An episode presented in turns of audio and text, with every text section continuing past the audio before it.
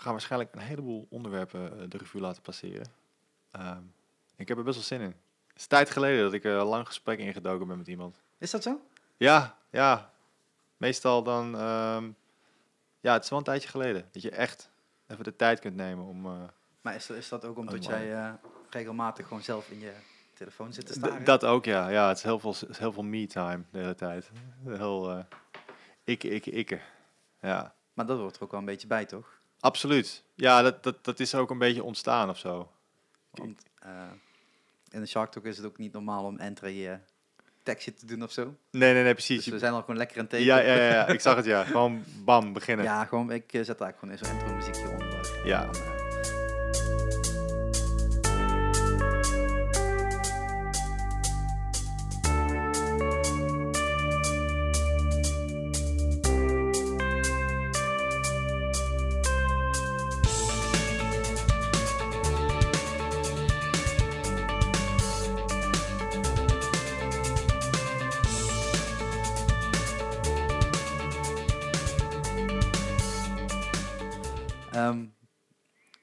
ik, ik, eh, ik werd vanochtend wakker en ik check natuurlijk even mijn Insta. Aha, En er stond dan weer een filmpje van jou online. aha.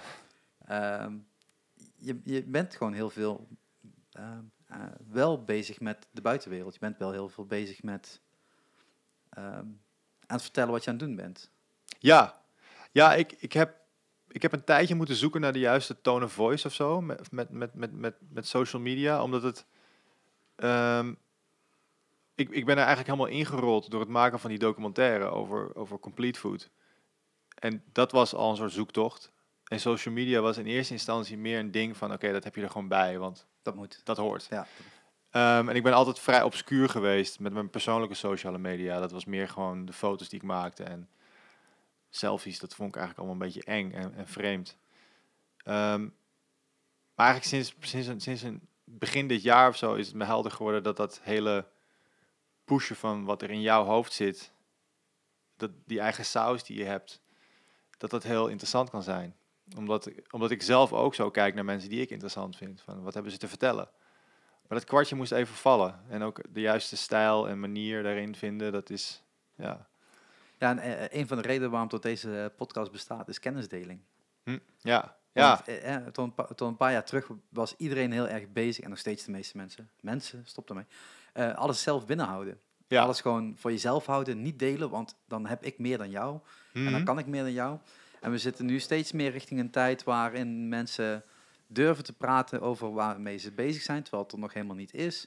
Eh, van, misschien kun je me wel helpen. En steeds meer dat, die interactie opzoeken van... Ja. ehm, ik kan je iets vertellen, misschien is het nuttig, misschien is het niet nuttig. Maar voor degene die het nuttig is, zijn het waarschijnlijk hele nuttige dingen waar, waarover ik spreek. En ik denk inderdaad dat dat exact ook de reden is waarom dingen nu eh, zich sneller kunnen ontwikkelen. En waarom er ook veel meer eh, diversiteit is binnen genres. En je veel meer niches hebt die ontstaan. En mini-clubjes binnen eh, ja, sub, sub, sub genres. Een beetje hoe Reddit ook werkt, zeg maar. Dat je niet zo hoeft vast te pinnen aan... Oh, maar misschien is dat wel heel vreemd als ik dat zeg. Van, nee, nee, nee. Er zijn waarschijnlijk nog honderd andere mensen die Ja. net zo vreemd zijn als jij. Maar ja, hoe oud ben je? 34. Vier- Oké, ik ben twee jaar jonger. Yes, ik ben een keer jonger dan iemand. Nee, sorry. Eh, wij zijn alle twee opgegroeid in de tijd dat eh, eh, het internet was er nog niet. Althans, Nee. het bestond wel, maar was nog niet in de huiskamers. Nee. We zijn alle twee opgegroeid in de tijd dat toen je kind was, het in de huiskamers kwam. Klopt. Dus ja. je begon die ontdekkingszoektocht en dus ja. Je begon te ontdekken wat er allemaal mee kon. Ja. En toen kreeg je, kreeg je de chats en, en de, inderdaad de, de blogs en, en dat, dat werd steeds, steeds breder. Ja, ja, ja. En eh, nu is het gewoon een tijdperk dat alles beschikbaar is. Ja, En dan willen, wil je, willen mensen met elkaar eh, connecteren met van... hé, hey, jij bent ook toch zo? Of jij doet ook dit? En dat gaat nog iets dieper erin dan, dan de TMF-chat... waar je gewoon eh, ja dat, was, dat, dat was een soort schieten met, eh hoe je, vissen met dynamiet. Ja, Gewoon een soort van, dat je dan afging op, op, op mensen hun handles. En, en MSN werd al iets persoonlijker of zo. Ja. Dan had je een soort van possie mensen. En ehm, daar, daarin heb ik trouwens ook al mijn eerste online daten ge- ervaren. Op mijn 16e, 17e in MSN. Dat je een soort van werd voorgesteld door anderen aan ja. meisjes. En dat is wel heel interessant als ik daar nu aan denk. Hoe dat, Want het eerste wat je dan deed, was... De, ja, op een gegeven moment had je een soort van mapje met foto's. Ja. En er was altijd wel een foto die je, weet ik veel... Hoe, hoe deed je dat? Ja, dat moet, mijn vader had een scanner volgens mij. Maar in ieder geval, ja, inderdaad. dus Dat, dat hele... ehm, ik, ik denk dat ik relatief laat was met internet in, in de woonkamer. Het was echt 16, 17. Dus dat is eh 97, 98, 99 geweest, die periode. 99, 2000 Ja. was het echt dat we gewoon elke dag online konden. Ja. Nou ja, voorheen was het natuurlijk gewoon inbellen en eh, Ja, ja, dat heb ik... pijnlijke, eh, pijnlijke rekeningen binnenkrijgen. Weet je nog een beetje? Ja, toen, toen we- ja. Thanks. Ja, precies. En mijn vader die was daar altijd best wel strikt op. En op een gegeven moment hadden we anderhalf, Dankjewel. twee uur per dag dat we mochten internetten. Ehm, en die, eh, ja, die benutte ik dan wel ten volste. ja. Ja, het is, eh, het is eh, een, een, groeicurve die we denk ik met z'n allen gewoon hebben meegemaakt. En vooral Ja. onze generatie eigenlijk nu in terecht komt van oké, die kennisdeling is essentieel om verder te kunnen komen. Mhm. En daardoor kunnen we ook alle dingen doen die we zelf willen doen eigenlijk. ja. Ja, ik denk dat, zelfs dat het zo ver gaat dat, het, dat, het, dat, ik, dat jij en ik misschien wel ehm, in, in, die, in, die, in, die, in die categorie vallen dat, dat het gewoon een onderdeel is van onze identiteit. Als ik kijk naar ehm, de kinderen van vrienden van mij, sommigen zijn al richting de 14, voor die is die hele grens van online en offline is vervallen. Dat is allemaal één. Dat is en ja.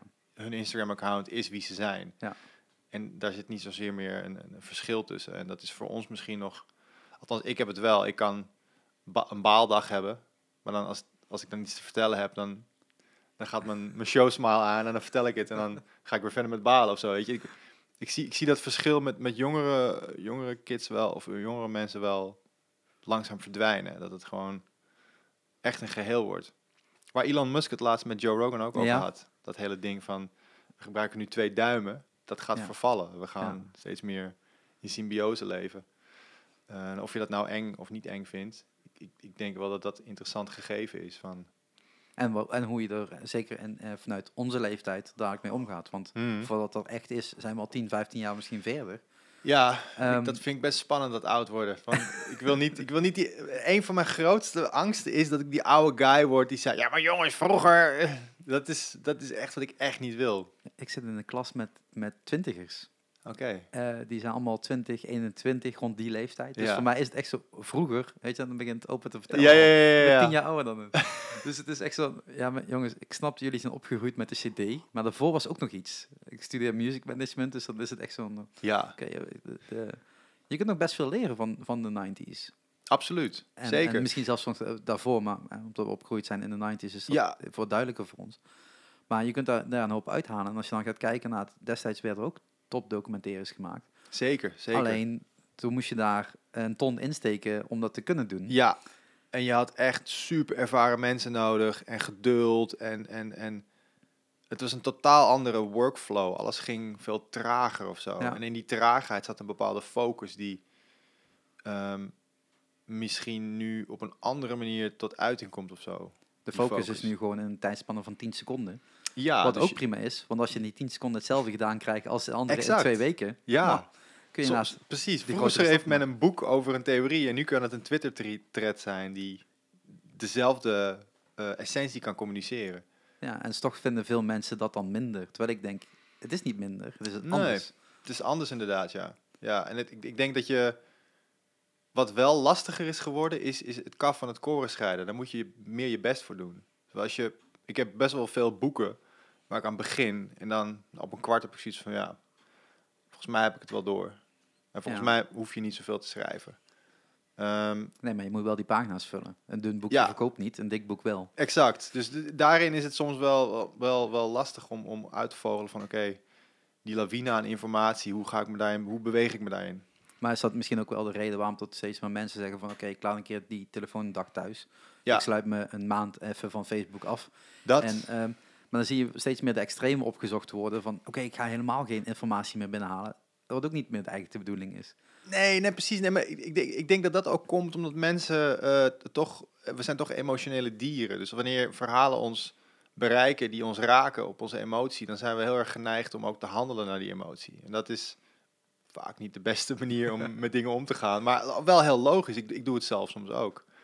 Ja, er zijn presidenten heel goed in geworden inmiddels. Ja, exact. Gewoon echt hun, hun short-time emotie plaatsen. Ja, ja, het is een beetje de, de, de, de, de, een onderdeel geworden ook van de economie waar we in zitten.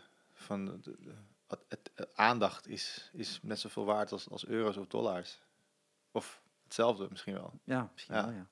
En sommigen springen daar heel slim op op de marketing en verkopen die Ja. emoties nu. Ja, En ehm, als ik nu in mijn eh, Instagram feed kijk, kom ik echt dingen tegen. Heel veel Indiegogo's en zo. Mhm. Dat ik denk, oh ja, wacht, ik ben de laatste tijd vaak op Indiegogo's en, en Kickstarter pagina's geweest. Dus logisch dat ik nu al die hype producten voor me, Ja. voor me krijg. Van koop dit nu met 70% korting. Ja. ja, maar ik hoef niet nog een paar oordopjes te hebben, ook al zijn ze maar 19 euro. ja, dat verbaast me soms nog wel. Dat, dat die algoritmes van, van, van Instagram en Facebook soms zo, zo naïef lijken nog. Zo van, really? Dit is... Ja, Maar vertellen wij ze dan te weinig? Of mogen zij te weinig zijn gebruiken? ja ik, denk dat het, ik denk dat het daar tussen zit inderdaad. Van wat wel en wat niet mag. Ik wil heel graag vertellen tot ik echt geen, eh, geen reclame hoef te hebben van, van luiers. Dat hoeft bij mij niet. Weet maar dat is toch vreemd dat het in je feed komt? Ja. Hoe, dan? Omdat het ergens gelinkt is en je hebt eh, ja, ook wel Ja. een aantal dingen researchen. En dan wordt het natuurlijk opgeslagen. Dus eigenlijk moet je dan de hele tijd gewoon uh, DuckDuckGo gaan gebruiken. Weet je, dat wil je ook niet. Ja, nee. Dus het is... Nee, ik ergens. Ik, er was natuurlijk dat hele ding dat Facebook je afluistert. En ik weet niet hoe het zit, maar ze hebben wel iets dat ze weten te komen in een soort van. Ik heb het nu al meerdere malen gehad. Dat je gesprekken hebt en dan een, een dag later zo boom. We hebben het zelfs een keer geprobeerd ook, dat we iets gingen uitproberen. Een soort van. Iets extreems wat Ja, nooit in je feed zou komen. ja, en, dat, en, dat, en dat werkt ook wel. Dus, Groene thee, groene thee. Facebook luister mee. Groene thee. ja, ja, ja, ja, ja, witte thee. Aanbiedingen. We moeten het ook even naar elkaar appen, dan werkt het eh, misschien sneller. Ja. ja, maar dat is natuurlijk... Ik ben heel blij als, als er juist heel veel informatie bij hun beschikbaar is, zodat ik betere aanbieding krijg. Ik heb afgelopen week ook weer gepost eh, rondom de Formule 1 eh, rit. Eh, was afgelopen week weer.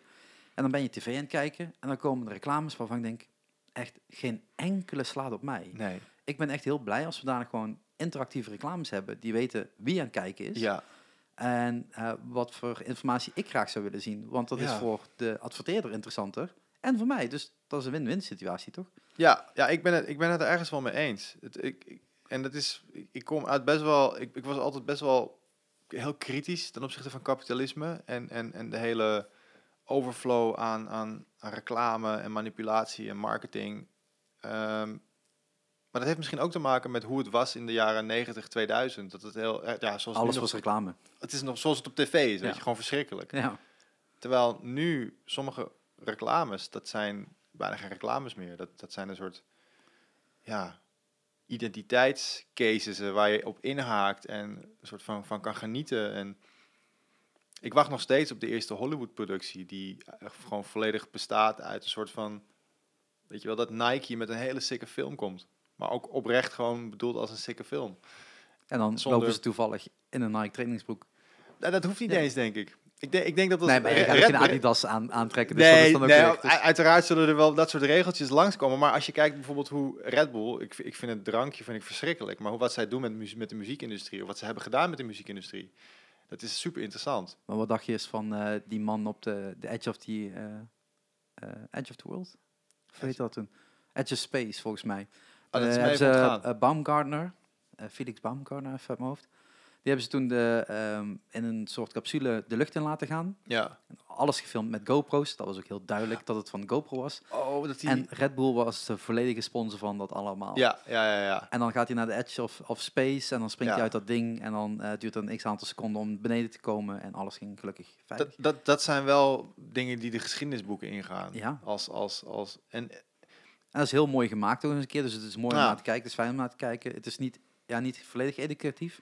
Maar het heeft een Nee. toegevoegde waarde aan de maatschappij. Om denk het wel, doen. ja. ja. En ik denk dat, dat, dat, dat merken die...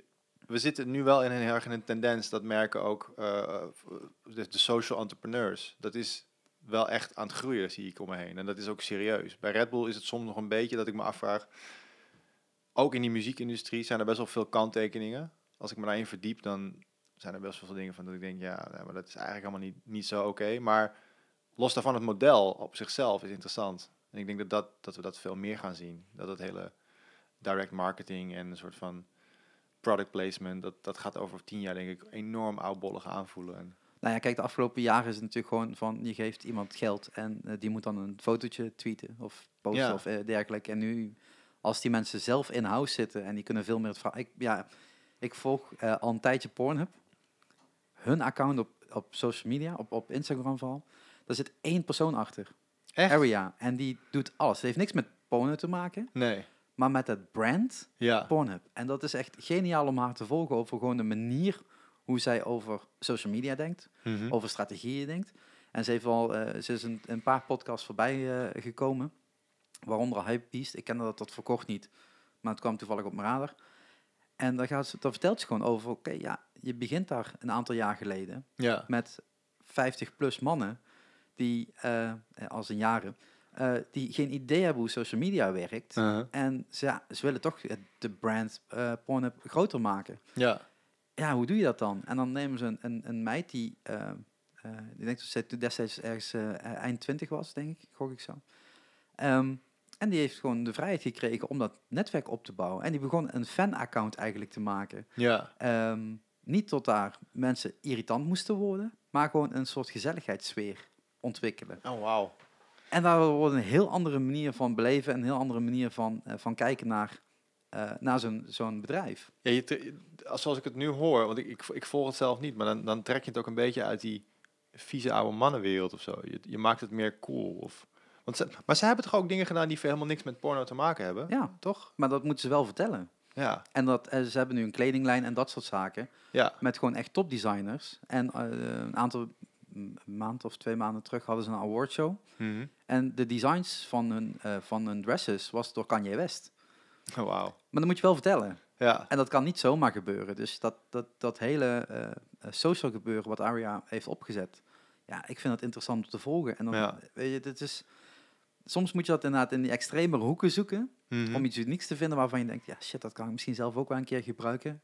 Om Ja. ergens anders toe te passen. En nou, gewoon niet een strategie van een maand uit te denken. Ja. Maar misschien wel van het hele lijf, eh, de lifetime van een bedrijf zelfs. Ja, ja, ja, dat is super interessant wat je zegt inderdaad. Ik, ik, ik had twee, twee weken hierop inhaken, twee weken, of drie weken geleden, een, een workshop in Utrecht. ehm, waar onder andere de gemeente, eh, de gemeente Utrecht ook aan meedeed. Ehm, eigenlijk was het dus bedoeld als een soort ja, een brainstorm sessie van twee dagen om te kijken naar hoe, hoe, hoe gezonde voeding onder de aandacht gebracht kan worden in, in wijken waar dat eh, statistisch gezien nog een beetje een issue is. En toen zei ik ook gewoon straight up tegen die ehm, mevrouw van de gemeenteraad van, ja, het, jullie bedoelingen zijn heel goed, alleen het lastige is jullie communicatie. De manier waarop jullie communiceren is niet in lijn met de doelgroep die jullie voor ogen hebben. En dat zal ook, dat gaat jullie ook gewoon niet lukken, omdat het systeem waarin jullie opereren te ingewikkeld en te groot is. Voordat jullie een eh, influencer aan de haak slaan en die zijn vrije gang laten gaan, ben je 3,5 jaar verder. Ja. En dan is die influencer wel niet meer relevant. Dat vond ze niet heel leuk. Nee, maar ja, het is wel de waarheid. Dat, dat, is, dat is omdat het, het gaat heel snel. Je moet heel snel kunnen schakelen. En de mensen die daar goed in zijn, zijn de mensen die heel populair zijn op social media. Kunnen een soort van die zeitgeist aan kunnen voelen. Van wat speelt er? Ja, meme, dat is- meme cultuurs kunnen begrijpen en daarop inhaken. Dat is essentieel. Ehm, ja, om, om gehoord te worden. Maar toch worden wij, en dan zeg ik even wij, als Mhm. generaliserend, nog steeds eh eh, regeerd door de dik 50-plussers. Ja, En die nog ja. steeds denken tot als je dan hè, een heel mooi Ja, budget ja, maakt binnen de Tweede Kamer van hé, hey, daar gaat eh, 10 miljoen naar, eh, hè, naar een infrastructuursysteem, een. ICT-projectje. Terwijl de hele ICT aan de onderkant denkt, ja maar 10 miljoen, weet je, ik ga op mijn kamer zitten, ik werk een weekje, is klaar. Weet je? Ja. Het hoeft geen 10 miljoen te zijn, maar in die 10 miljoen wordt zoveel weggestreept ja. aan overheidskosten die echt niet van toepassing zijn. Ja, het, het, dat is het lastige van, van, in, van in een democratisch systeem leven, wat opgebouwd is door al die jaren en ellende die we hebben meegemaakt, zijn we wel tot iets heel moois gekomen, wat naar mijn idee soort van heeft gepiekt in de jaren 90 en in de in 2000 een beetje zo om zich heen begon te kijken van, what the fuck is going on here? en toen zo, ja, 2008, 9 die hele crisis maakte het wel helder dat, dat oké, hoe, hoe gaan we met dit soort crisissen om en hoe kunnen we snel schakelen? Dat, je kan niet zo snel schakelen. Nee, want er Het hebt te veel lagen tussen, Ja. tussen gezet eigenlijk. Precies. Dus die, die hele eh veiligheidszorgsamenleving die we hebben gebouwd, die wordt nu geconfronteerd met een technologische snelheid waar ze niet waar ze geen raad mee weten. Dus hoe, hoe gaan Maar, we hier in maar om? eigenlijk bijna geen enkel land weet hoe ze hiermee kunnen omgaan. Kijk, China doet het eh, wat sneller vooral. Ja, precies. Ja. Dat is natuurlijk het eerste voor China, Singapore. Maar goed, dat zijn natuurlijk geen democratieën. Nee, maar die zeggen wel van oké, we zien dat het nu gebeurt. Ja, En omdat we geen democratie zijn, kunnen we nu exact. iets, iets doen. Dus dat is best wel tricky. Nee, maar is het tricky? Ik bedoel, eh, het is niet tot, tot ieder, eh, of tot het werelddeel Amerika altijd de baas moet zijn. Ik heb nog. Oké. Ik. Thanks. Ehm, Nee, nee, zeker niet. Ik, Dus ik, ik, ook wel geloof ook wel in een soort van, van, van natuurlijke... Alleen ik geloof wel dat... Ik weet niet zo goed in hoeverre ehm, de dingen die we hier... Want ik heb deze discussie best wel vaak met mensen. Ehm, maar ik weet niet in hoeverre, als ik het naar mezelf zou verplaatsen... Als, je, als dat een, een vervanging zou worden, dus dat het veel ge- gericht, ge- gestructureerder wordt... en dat er meer dingen ehm, vanuit overheid bepaald worden en richtlijnen worden gegeven. Ik ben te geconditioneerd in het westerse ego om daar een plek voor mezelf in te zien. ja, ik ging eh, een kleine drie jaar geleden terug naar eh, mijn geboorteland. Mhm. Ik ben geboren in Sri Lanka, maar eh, na een maand was ik al in Nederland. Dus het is puur alleen maar mijn geboorteland. Ja. En ehm, ik zie eruit zoals hun. Mhm. ehm, maar al het andere is westers. Ja. Er zit echt niks. Ik denk, ga nou gewoon eens kijken. Misschien toch. Ik voel me hier niet thuis. Ik voel me daar dus ook niet thuis. Echt dan. ehm, Oké, maar waar dan wel? Ja. En hoe dan wel? Want ik hou van de techniek. Dat, ja, ik heb wel wat techniek om me heen en op me en, en, en aan me. Ehm, maar de rust die ze daar hebben, vind ik ook wel weer fijn. Ja. Want ze hebben echt niet de drive of de push dat ze zeggen, we moeten iedere minuut iets gedaan hebben. Nee. We gaan het gewoon gezamenlijk doen. Het veel, het veel meer in communities. En als ik dan hier naar buiten kijk, denk dat had ook een community kunnen zijn. Hè? Een wijk, een blok en dergelijke. Ja. Samenwerkend aan, aan, aan één geheel. Mhm. Ehm, dat kennen we in Nederland bijna niet. Nee. En we moeten echt een burendag introduceren om de buren Ja. eens een keer eh, op straat te zien. Of een Zwarte Piet demonstratie en dan komen we wel de deur, de deur uit. Nee, ik snap helemaal wat je bedoelt inderdaad. Dat is, ehm, maar ik vraag me ergens af of we dat in het Westen nu online zoeken. Misschien dat wel, is ja. het wat we online, waarom we zo in ons scherm zitten de hele tijd. Omdat we daar veel makkelijker... de juiste mensen bij vinden. Ja, Want die wonen niet om de hoek, maar die wonen op duizend kilometer of verder. Ja, ja. Dat je op die manier de samenhorigheid soort van creëert. En ehm, we, hebben, hè, we, spreken nu al twintig minuten. We hebben nog helemaal geen introductie gedaan. Nee. Wat zei, dat doen we niet, nooit aan het begin. Maar misschien is het wel goed dat je eh, jezelf in ieder geval een beetje plaatsen in, in Ja, het gesprek. Zeker. Mijn stem kennen ze inmiddels. En Ja, laten we dat die doen, ja. meekijken inmiddels, of nog niet, nooit hebben meegekeken, denken, oh, dat was ook een video. Ja, er is ook een video. Ja. Ehm, ja, skip naar, naar 20 minuten voor de intro en dan gaat het begin dan opnieuw. Begin dan, nee, nee, dat toch niet, niet. Maar iets meer, ehm, ehm, die denkwijze wat je nu allemaal noemt, eh, hebben Ja. natuurlijk een reden. Dus misschien toch wel even goed is om jezelf Ja. daar in, in ieder geval te, te kaderen, zou ik zo zeggen. Ja, zeker. Ehm, ik ben Matthijs Dieriks. Ik, eh, ik ga gelijk naar de camera kijken. Ehm, eh, ja, ik, ik, ik, heb, ik heb de kunstacademie gedaan. In 2009 ben ik afgestudeerd met een, met een korte documentaire over een street artist. Die, ehm, die nogal destructieve vormen van kunst erop nahield. Dus ik, ik wilde altijd films maken. Dat was altijd al, dat wist ik al vanaf dat ik 13, 14 was. Van mijn vader een, een oude handicam kreeg om mijn vrienden Ja. te filmen. Alleen de, de weg ernaartoe is altijd een beetje ehm, anders geweest. De, waarom ik naar de kunstacademie ben gegaan en niet naar de filmacademie is omdat ik niet wist of ik wilde regie wilde doen, camera of, of montage. En dat moest je ja, best wel al helder hebben voor jezelf als je Ja. naar de filmacademie wilde. Ehm, dus ik ben naar de kunstacademie gegaan en na mijn afstuderen heb ik drie jaar eh, exposities gecureerd Oké. niet zoveel met film gedaan. Dat kwam voornamelijk omdat ik op de kunstacademie merkte, mensen die ik af zag studeren, het is echt waar, 2% belandt in de kunstwereld. En de rest, ja, die belandt bij een bagels en beans en een studio schilderijen maken die Ja. niemand koopt of waar niemand ook maar naar wil kijken. Dat zag ik niet zo zitten. Maar ik vond die kunstwereld wel interessant. Dus ik ben heel, eigenlijk al ja, een jaar voordat ik afstudeerde, ben ik begonnen met een vriend van mij een, een, een, een, ja, een pop-up galerieconstructie te bedenken, waarbij we de leegstand die heel groot was in 2009 en 2010 ehm, omzetten naar eh, galerieruimtes. En daar ben ik eigenlijk volledig ingedoken. Ehm, ik vond het heel chill ook om andere mensen hun werk te rappen. Een soort van, het is heel makkelijk om over iemand anders de kwaliteiten te schrijven en daar geld voor te krijgen eh, vanuit subsidiefondsen. En Dus dat heb ik drie jaar gedaan. En toen ging de subsidiekraan hier een beetje dicht. Ja. En toen begon ook dat filmmaken wel weer te jeuken. Dus toen ben ik ehm eh, aftermovies gaan maken. En gewoon eh, ik- best wel wat vrienden die in de, in de, in de uitgaanscircuit eh, werkten toen de tijd. Dat kwam toen inderdaad ook helemaal op. Dus Ja, dat, was perfecte ja. timing. Gewoon een, en, ik, en ik had er een heel, ik had een simpele DSLR en ja, dat was best wel fun. Gewoon al die feesten af en met festivals werken en artiesten zien en filmen. En van daaruit ontstond op een gegeven moment een soort van, oké, dit is leuk, maar dit is niet serieus genoeg. Dus toen begon dat documentaire maken eigenlijk weer, wat ik in 2009 eigenlijk was voor het laatst gedaan. Dat kwam weer, kwam weer naar boven drijven en ehm, toen belandde ik ook bij een productiehuis, Opslaan Als. Amsterdamse productiehuis, die roots hebben in Venlo. Oké. Oké. Ehm, ja, die, eh, het zijn, eh, was een, eh, ja, het zijn twee, twee jongens, Kevin en Allan, die hebben dat opgezet. En ik heb daar anderhalf jaar bij gezeten. Terwijl ik daar werkte, als regisseur, freelance regisseur, dus toen maakte ik videoclips en commercials en superveel geleerd in anderhalf jaar tijd. Maar daar kwam eh, Complete Food op mijn pad. Ehm, was het, de- toen heette ze nog Joyland, ze heette nu Jimmy Joy. Ja, Jimmy Die- Joy.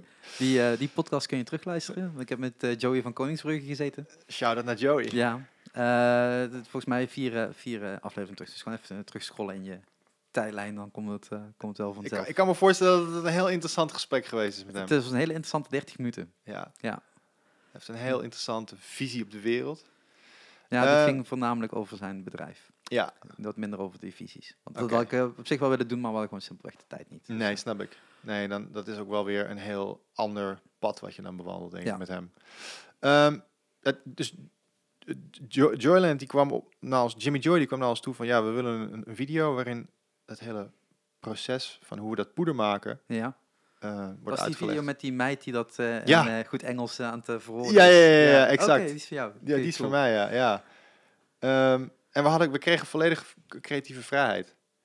Dus dat was een soort van, oké, vet. Maar ik had geen flauw idee wat dat voedsel was. Dus ik ben daar een beetje ingedoken toen. En eigenlijk tijdens het, dat we dat script aan het schrijven waren en, en, en tot het uiteindelijke idee kwamen, werd het me steeds helderder en duidelijker wat, wat dat eten was. Mhm. En toen kreeg ik ook wat van hun een tijdje op geleefd, eh, als in eh, mijn ontbijt heb ik ermee vervangen. En toen werd het op een gegeven moment echt helder van, wow, maar wie leven hier dan op? Wie, wie doen dit echt? Toen kwam ik in Reddit terecht. En dat was, nou, dat was eigenlijk ook mijn introductie naar Reddit, vreemd genoeg. Ja, ik ben er nog steeds niet op. Het, het, ik, vond het, ik snapte het nooit. Ik, altijd als ik naar Reddit, op Reddit terecht kwam, dan was het zo van, oh, dit is zoveel tekst. Wow, ja, exact. Er staat veel te veel, ja. Oh, gauw weg hier. Ja. Maar toen ik dus doorkreeg van, nou, je moet even de juiste kanalen vinden en daar een soort van rustig gaan lezen, toen werd het me helder. En toen werd dat voed, die voeding me ook helder. En toen ontstond eigenlijk best wel snel het idee. ehm, ik, ik was aan het mediteren in de ochtend. En toen schoot ineens te binnen, dude, je moet er een jaar op gaan leven. En dan, dan heb je echt een gestoord verhaal. Want er is nog niemand die dat gedaan heeft. Al die mensen die erop leven, die zijn te obscuur. Die willen er niet met hun... En de mensen die het wel gedaan hebben, dat, is, dat gaat niet verder dan drie maanden. Ja, maximaal. Dus let's Ja. go, laten we het gewoon twaalf maanden doen. En dan verkla- verklaart iedereen je voor gek. En dan heb je een documentaire. Dus toen dat idee een beetje ging rollen, verklaarde inderdaad iedereen me voor gek. Maar er was ook geen producent die echt... Die, ja, ja, ze hadden zoiets van, oké, maar wat ga je dan doen? Wat is dan het verhaal? En ik, en ik zei gewoon van, ja, come on, dat, dat verhaal dat ontstaat vanzelf, man. Ik ga een jaar niet eten. Dat, ja, ze hadden toch meer nodig, producenten of productiehuizen. Ehm, om, om, om dat te pitchen bij, bij tv. Of, of, om, dat, ja, om daar geld voor los te peuteren. Ehm, dus ik had zoiets van, ja, fuck it. Ik, ik, ga niet, ik ga er niet op wachten. Want ik voel dat het nu moet gebeuren. En dit haakt ook omdat je alweer een jaar daarmee bezig bent. Dus je Ja. moet een jaar vooruit denken. Ja, en het is heel moeilijk. Het is altijd lastig om met documentaire. ehm, het kan wel, maar het is toch denk ik wel ingewikkeld om het echt te pinpointen. En ergens is dat, ik denk dat het, wat ik nu na dit jaar gemerkt heb, dat is ook gewoon niet mijn manier van werken. Dat is niet mijn stijl. Ik, ik wil niet exact weten waar ik eindig om iemand in Hilversum te overtuigen. We gaan gewoon een avontuur aan. We zien waar het schip strandt. En ik heb genoeg vertrouwen en ook genoeg mensen om me heen die wel weten hoe ze films moeten maken en dat al gedaan hebben. Dat was een beetje mijn attitude, van het komt goed. Gewoon let's go. En het komt goed. Toch? Maar het haakt ook in wat je net zei over dat we geregeerd worden door 50-plussers die een bepaalde manier van werken hebben uit een tijd die nog veel trager was. Dus ik zat wel een beetje met een probleem, want ik had, ik had een iPhone en een, en een DSLR uit het tijdperk dat Ja. ik nog aftermovies schoot. Dus het is zoiets van, ja, fuck, ik kan hier geen documentaire op draaien. Dus toen heb ik Joey benaderd en gezegd van, yo, luister, ik heb dit en dit en dit nodig. Dat kost zoveel. Ehm, dan wordt het echt een sikke film. En toen zei hij van, ja man, let's do it. Dus Zo'n andere denkwijze. zo'n andere denkwijze. Maar hij snapte ook waar ik vandaan kwam. En dat heeft met leeftijd te maken. Maar dat heeft ook met een bepaalde attitude te maken. En misschien ook wel entrepreneurship. Dat je Mhm.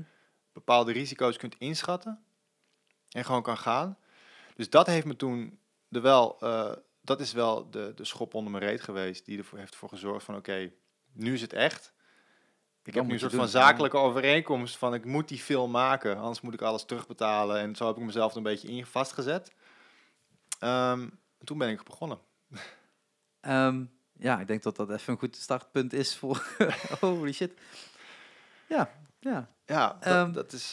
Want als je nu zegt van eh, eh, je gaat die zakelijke relatie daarin in aan, het is geen Jimmy Joy eh, productie wat er daar gaat komen. Nee, en dat is eigenlijk best wel... Dat is ook wel heel erg bewonderenswaardig voor de keuze van Joey toen de tijd. Want in eerste instantie hadden we het idee... we gaan het gewoon alleen maar met Joyland doen. Of met Jimmy Joy. Ik weet niet of we Joyland mogen... Ja, Nee, het is Jimmy Joy. het is Jimmy Joy. Het is Jimmy Joy. Maar het heette Joyland. Het heette Joyland, ja. dus het is afhankelijk van de tijdspannen waar we in, in ons in bewegen. Als ja. het Joyland heet of Jimmy Joy. Voorheen Joyland, maar Ja. nu bekend als Jimmy Joy. Ehm, ik, ik zei wel tegen ze van, ik, ik kan die film niet de, de wereld in krijgen als het alleen maar Jimmy Joy is. Moet, ik moet met andere merken in zee gaan ook. En ik moet alles gaan proberen, zoveel mogelijk als ik kan. Want dat geeft ook aan dat dit een markt is en dat het serieus is. Dat het niet maar een paar wacko's zijn. Er zijn en toen de tijd waren er al iets van nou, 30, 40 merken wereldwijd Ja, zeker. die verkochten. Dat wilde ik ook laten zien in het verhaal. En dat vond hij goed. Dat begreep hij. Dus dat zegt echt heel veel van zijn, van zijn Nou, daar zit natuurlijk ook wel deels Visie. in tot eh, eh, Jimmy Joy eh, is ge- gebaseerd op een, een open source product. Mhm. Dus iedereen mag en kan het maken. Want Ja. je weet welke ingrediënten erin gaan. En daar Ja. kun je zelf iets van bijvoegen of, of, of iets aan veranderen. Mhm. Dat mag en dat kan. Dus al die bedrijven uit oorsprong zijn gewoon op een bepaalde structuur gebouwd. En Ja. vanuit daar door gaan ontwikkelen. Ja, En ja, het is Soy, Soylent, wil ik zeggen, in, Soylent, in Amerika.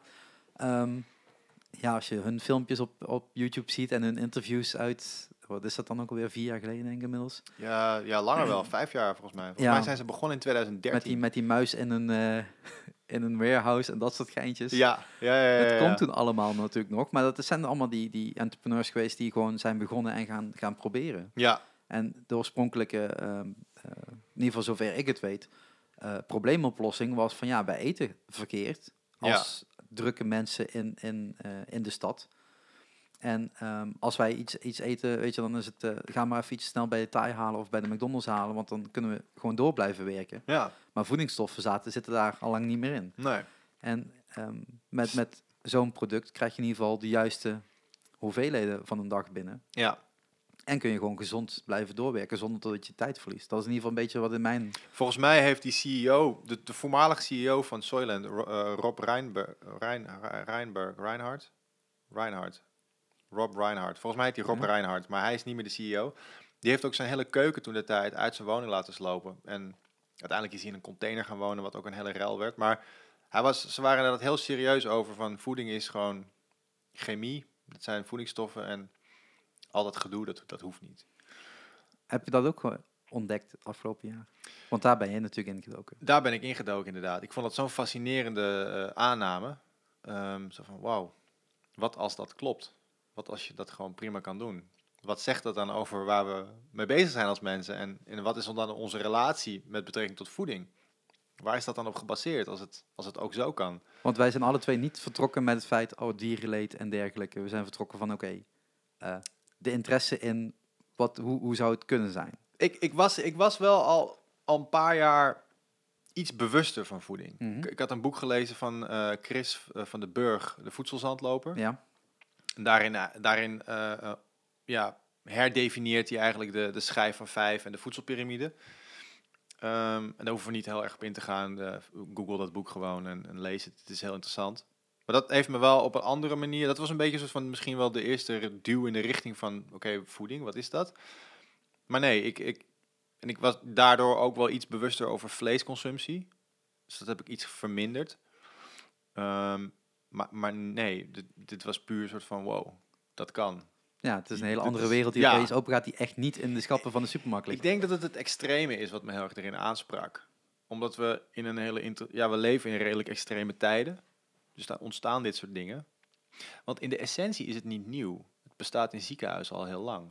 Mensen die zondevoeding krijgen. En, ehm, het, is, het is de shift naar de gewone burger. En het, Naar de supermarkt, ja. ja. dat is nieuw. Ehm, en dat zegt denk ik heel veel ook over onze tijd. Dus daarom sprak het me aan. Al die elementen die waren heel interessant. Ehm,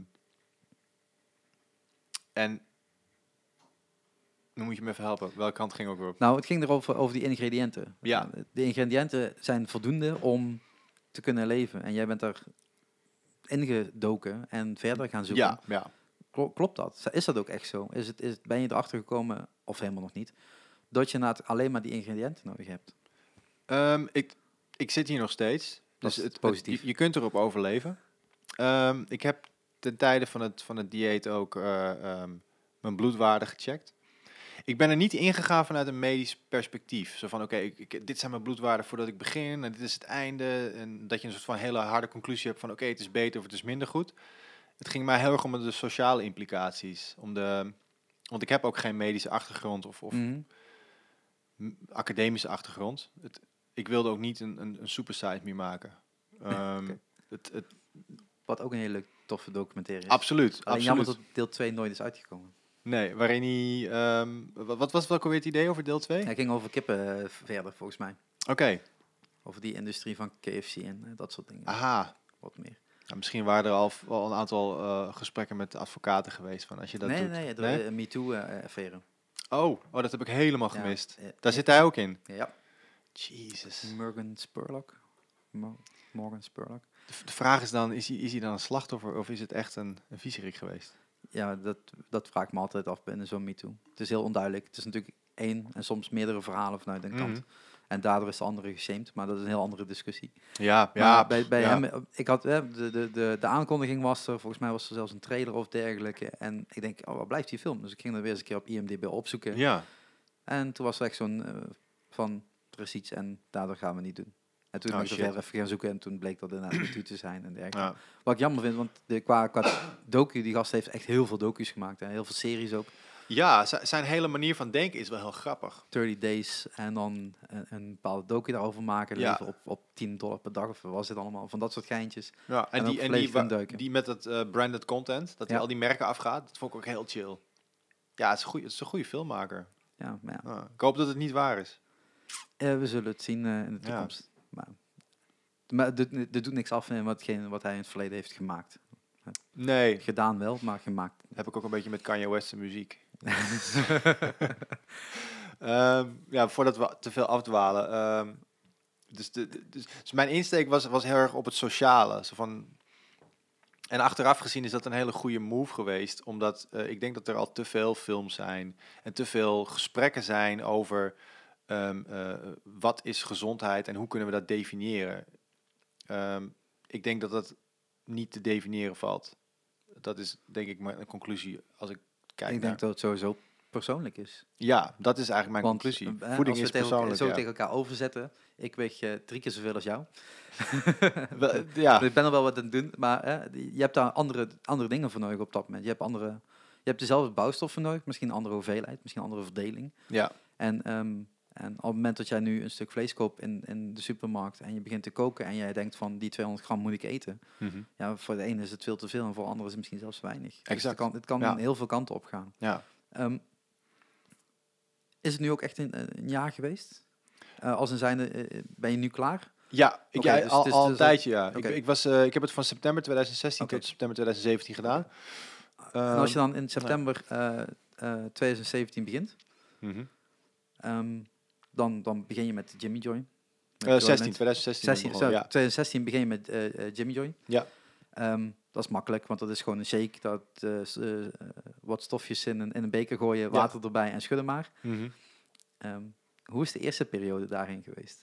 Ehm, eh, Want dat is het eerste wat je dan gaat proberen. En dan hebben ze drie smaakjes. Vanille, banaan en ch- Ja. choco misschien. ja, was arbeider toen ook al. Ja, en ze waren, de, de hele formu- formule is ook heel veel veranderd Ja. in die periode. Ja. Het, is nu, het is nu echt smooth. silky smooth Ja. en een soort melk bijna. toen was kon je toen- bijna op knagen. Ja, het, het, was, het had toen veel meer, meer, meer structuur en je, je proefde echt dat het van poeder gemaakt Ja. was. Ehm, wat ergens ook wel tof is, want dat heeft het wel ja, ingewikkelder gemaakt of zo. Maar het was niet vies. Ik vond, ik vond het prima te drinken. ik ben in 2015 ermee begonnen, november 2015 of zoiets. Ah, ja. En eh, toen, toen ik dat bestelde, iedereen verklaart je voor gek natuurlijk. Want waarom Ja. zou je dat doen? Eh, maar ja, ik wilde gezonder gaan eten. Ja. Eh, vooral eten, want ik eh, overdag bijna niet. Ehm, maar dat is een hele vreemde structuur die je op dat moment aan het drinken bent. Ja. En dat is wennen. Zeker. Het, het, ehm, ik ben cold turkey erin gedoken.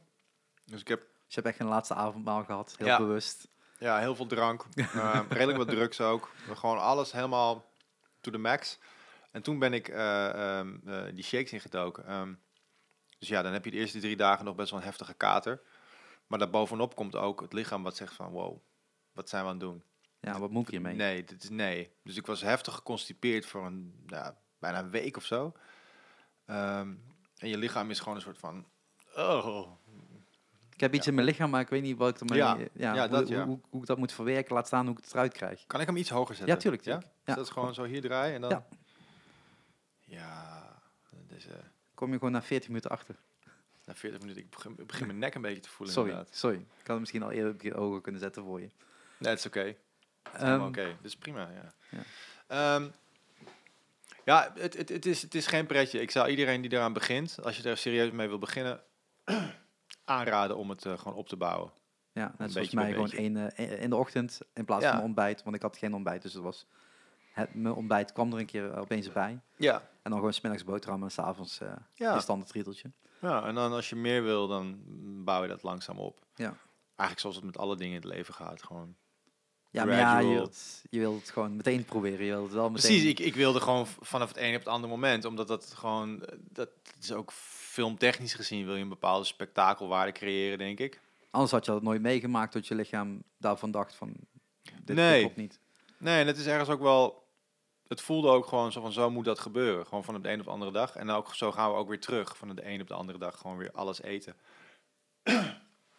Ehm, dus dat, dat, ja, het is, ik zit een beetje te denken in hoeverre ik ehm, echt, echt, want ik krijg natuurlijk heel vaak, ik krijg heel, de vragen die ik het meeste krijg, zijn in de lijn van wat jij me net vraagt. En welk merk het beste is.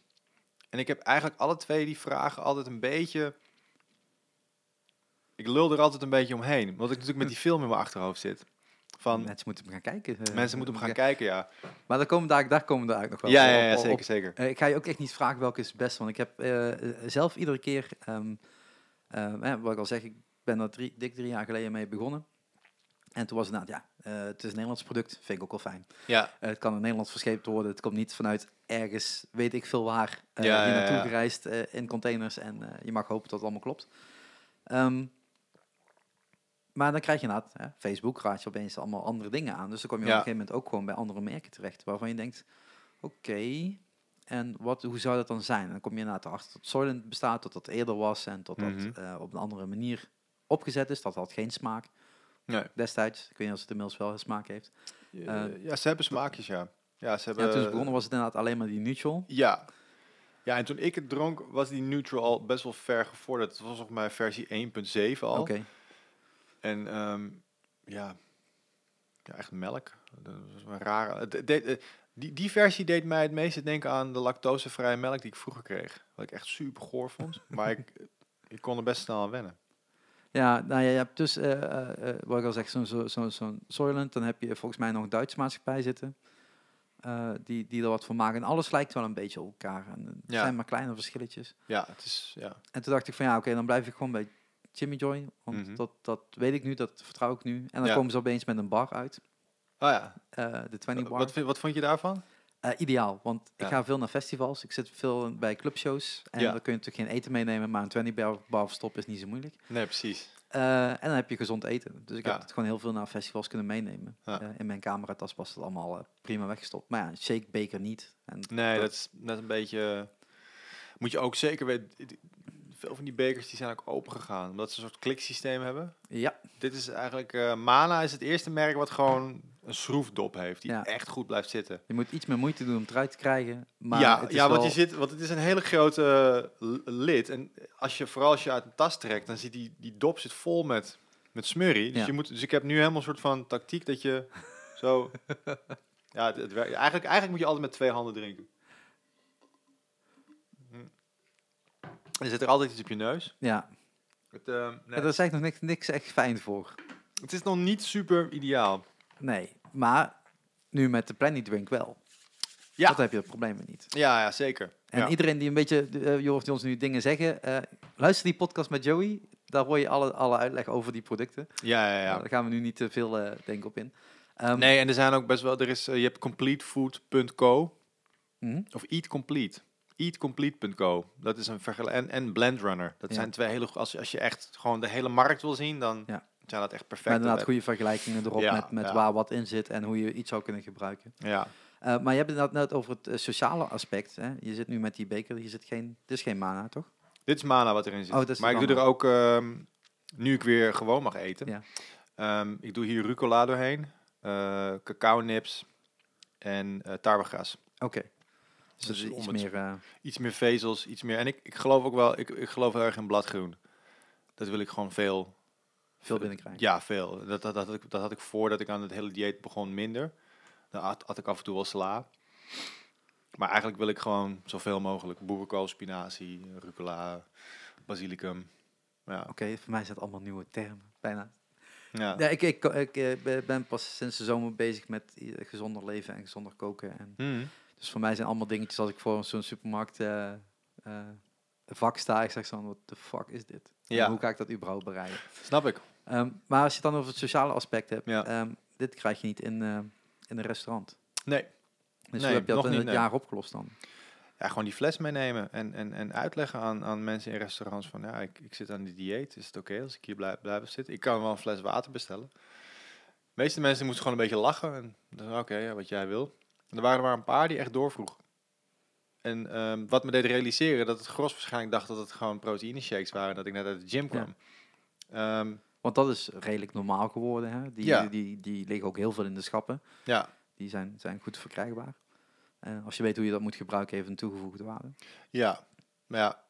Ja, ja ik, die proteïne shakes, ik, I don't know. Ik, ik, Voor mij hoeft het ook niet. Je, je kunt ook gewoon eh, veel meer noten eten of eh, lijnzaad. Of, eh, je kunt je proteïne echt uit heel veel dingen halen.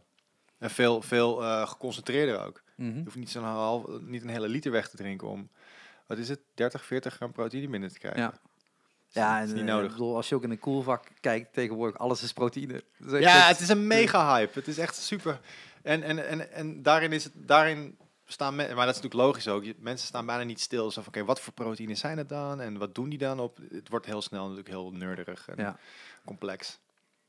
Maar dan Ehm, zit je dus in zo'n restaurant. Ja. Je vrienden bestellen gewoon allemaal eten. Ja, Eh, zit er ergens in je hoofd op zo'n moment... Fuck, ik wil ook die steak. Ja en nee. Het, wat, wa- wat mij heel erg heeft geholpen is dat ik het idee had in februari 2016, toen die commercial net af was. En toen ben ik het tegen mensen gaan zeggen.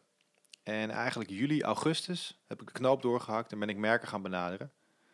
Ehm, dus ik had een hele lange aanlooptijd.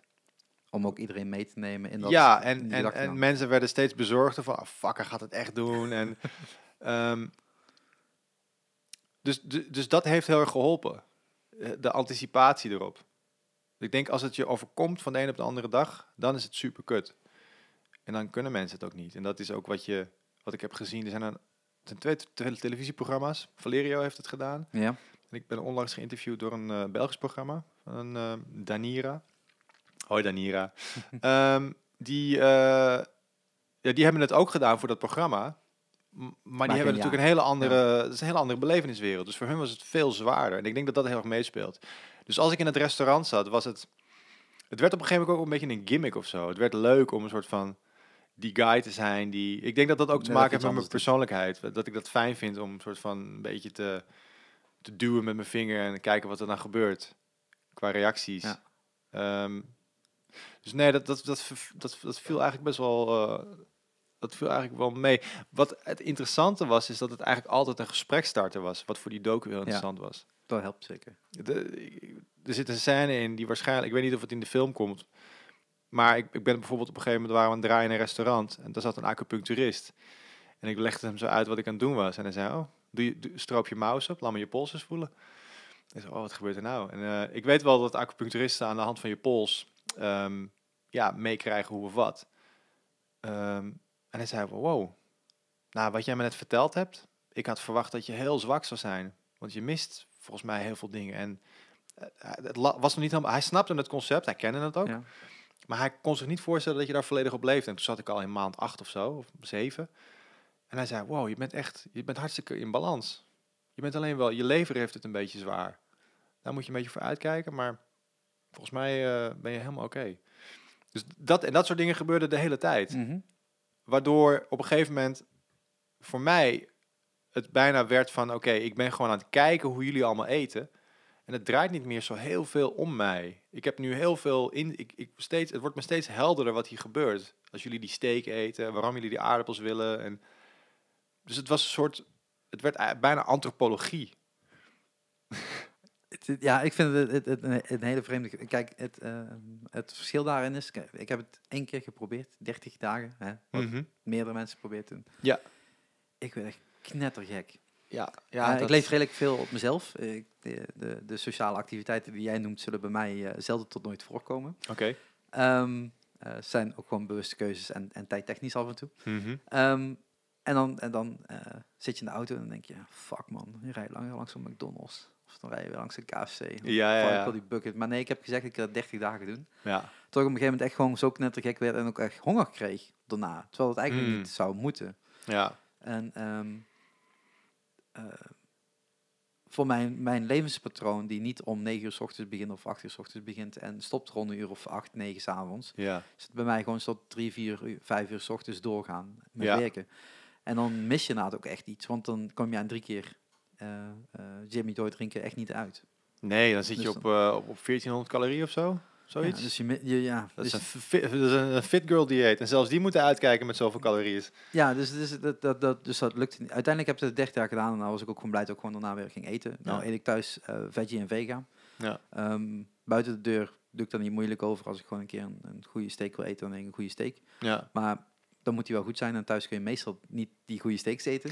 Dus. Ja, je moet weten, ik, ik, ben, ik ben er ook nooit goed in geweest. dus, dat, eh, dus dan denk ik van, dan hoeft het niet. Weet je, kan ik met een veggie burger, eh, maak je me net zo blij. Ja. Ehm, maar dat is een beetje het, het, het, het zoeken inderdaad van het moment dat je dan ergens anders bent. En je Mhm. bent met anderen. En je zet inderdaad die shake neer. Van oké, hoe ga je dat... Je moet je bijna gaan verdedigen. Hetzelfde als het niet gebruiken van alcohol. Ja, ja dat, dat was soms nog wel interessanter. Want, en dat was ook grappig dat dat in het begin eh, ingewikkelder was dan dat eten. Eh, Waarom ik- drink je niet? Ja, moet dat? Weet Ja. je, waar, waar staat dat ik nu een biertje moet bestellen? Ja, ja, ja. Ah, het, het toffe is wel dat, dat, dat ik dat drinken... ehm, eh, het was, het, dat was emotioneel interessant, omdat Mhm. er een paar momenten waren waarbij ik niet had verwacht dat het zo'n impact had. Dat het me een soort van overviel dat ik me echt alleen voelde. Dat was niet leuk. Ehm, en dat heb ik, daar heb ik uiteindelijk wel oplossingen voor gevonden. En op een gegeven moment zakte dat ook weer weg.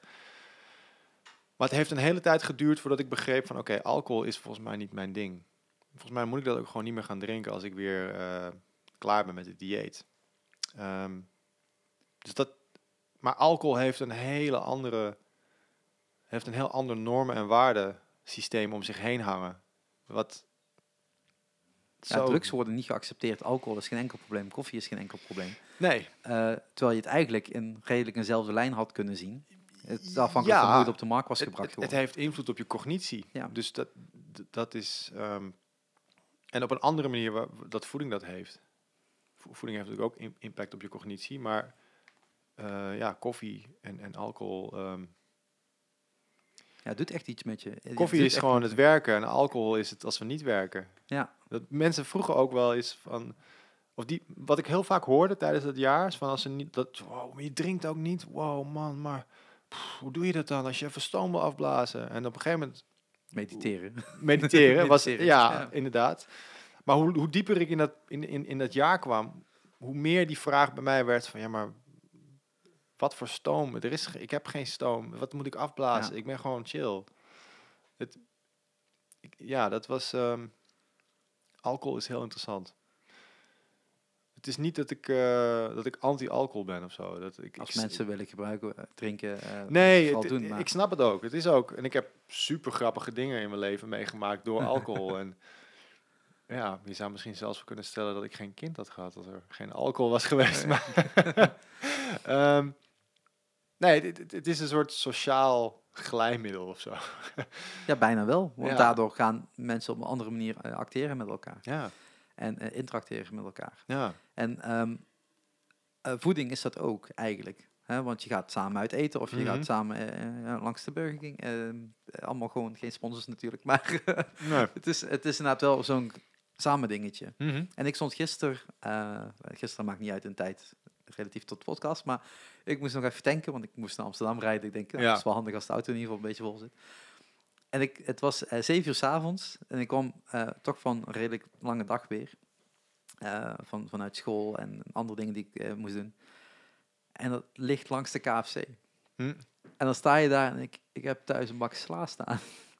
Ja. Fuck, ik kan ook gewoon nu 30 euro uitgeven aan een bak KFC. En die vreeg helemaal leeg.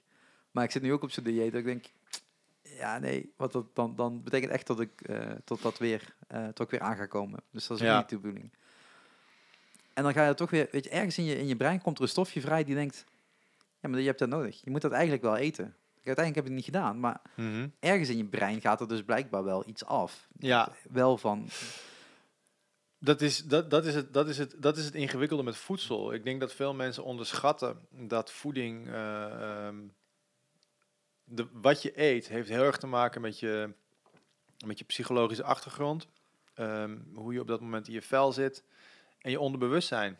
En dat onderbewustzijn kun je niet zo makkelijk bij. Dat kun je helemaal niet sturen. Dat stuurt jou. Ehm, dus wat dit jaar, maar ook heel, wat dat jaar op die shakes me heel erg heeft doen laten inzien, is dat ik.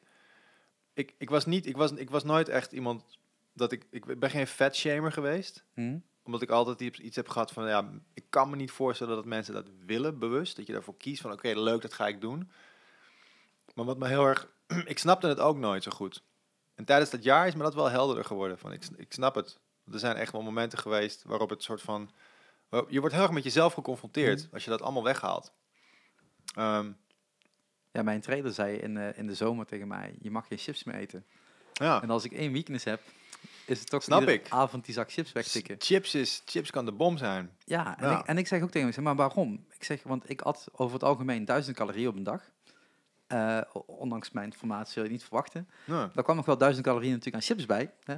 Ja. eh, op een iets later moment van de dag. ja. eh, dat je gewoon niet meer weggeteerd krijgt. Ik zeg, maar als dat klopt wat jij nu zegt, kan ik gewoon mijn ontbijt met een zak chips doen. En de rest van de dag gewoon normaal eten. Wat ik deed, want dat is 2000 calorieën. En dat is wat ik nu binnen moet krijgen. Ja, ja, ja. En hij zegt, ja, in theorie klopt dat.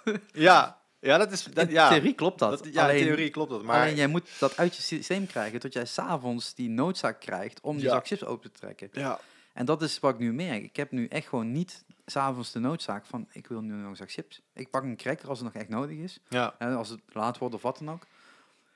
En, en in mijn hoofd zit nu al, en dat is nu nog geen half jaar denk ik ik bezig ben, Mhm. is, het er al, is dat er in ieder geval uit. ja. Maar als je dan langs Ja, zo'n sign rijdt, dan af en toe denk ik van Het, nou, het, maar vergis je niet, hè, want die, die, die bedrijven die hebben. eh, ehm, dus er zitten allerlei eh, stoffen in die ervoor zorgen dat je dat blijft eten. Dat is, dat is nummer één.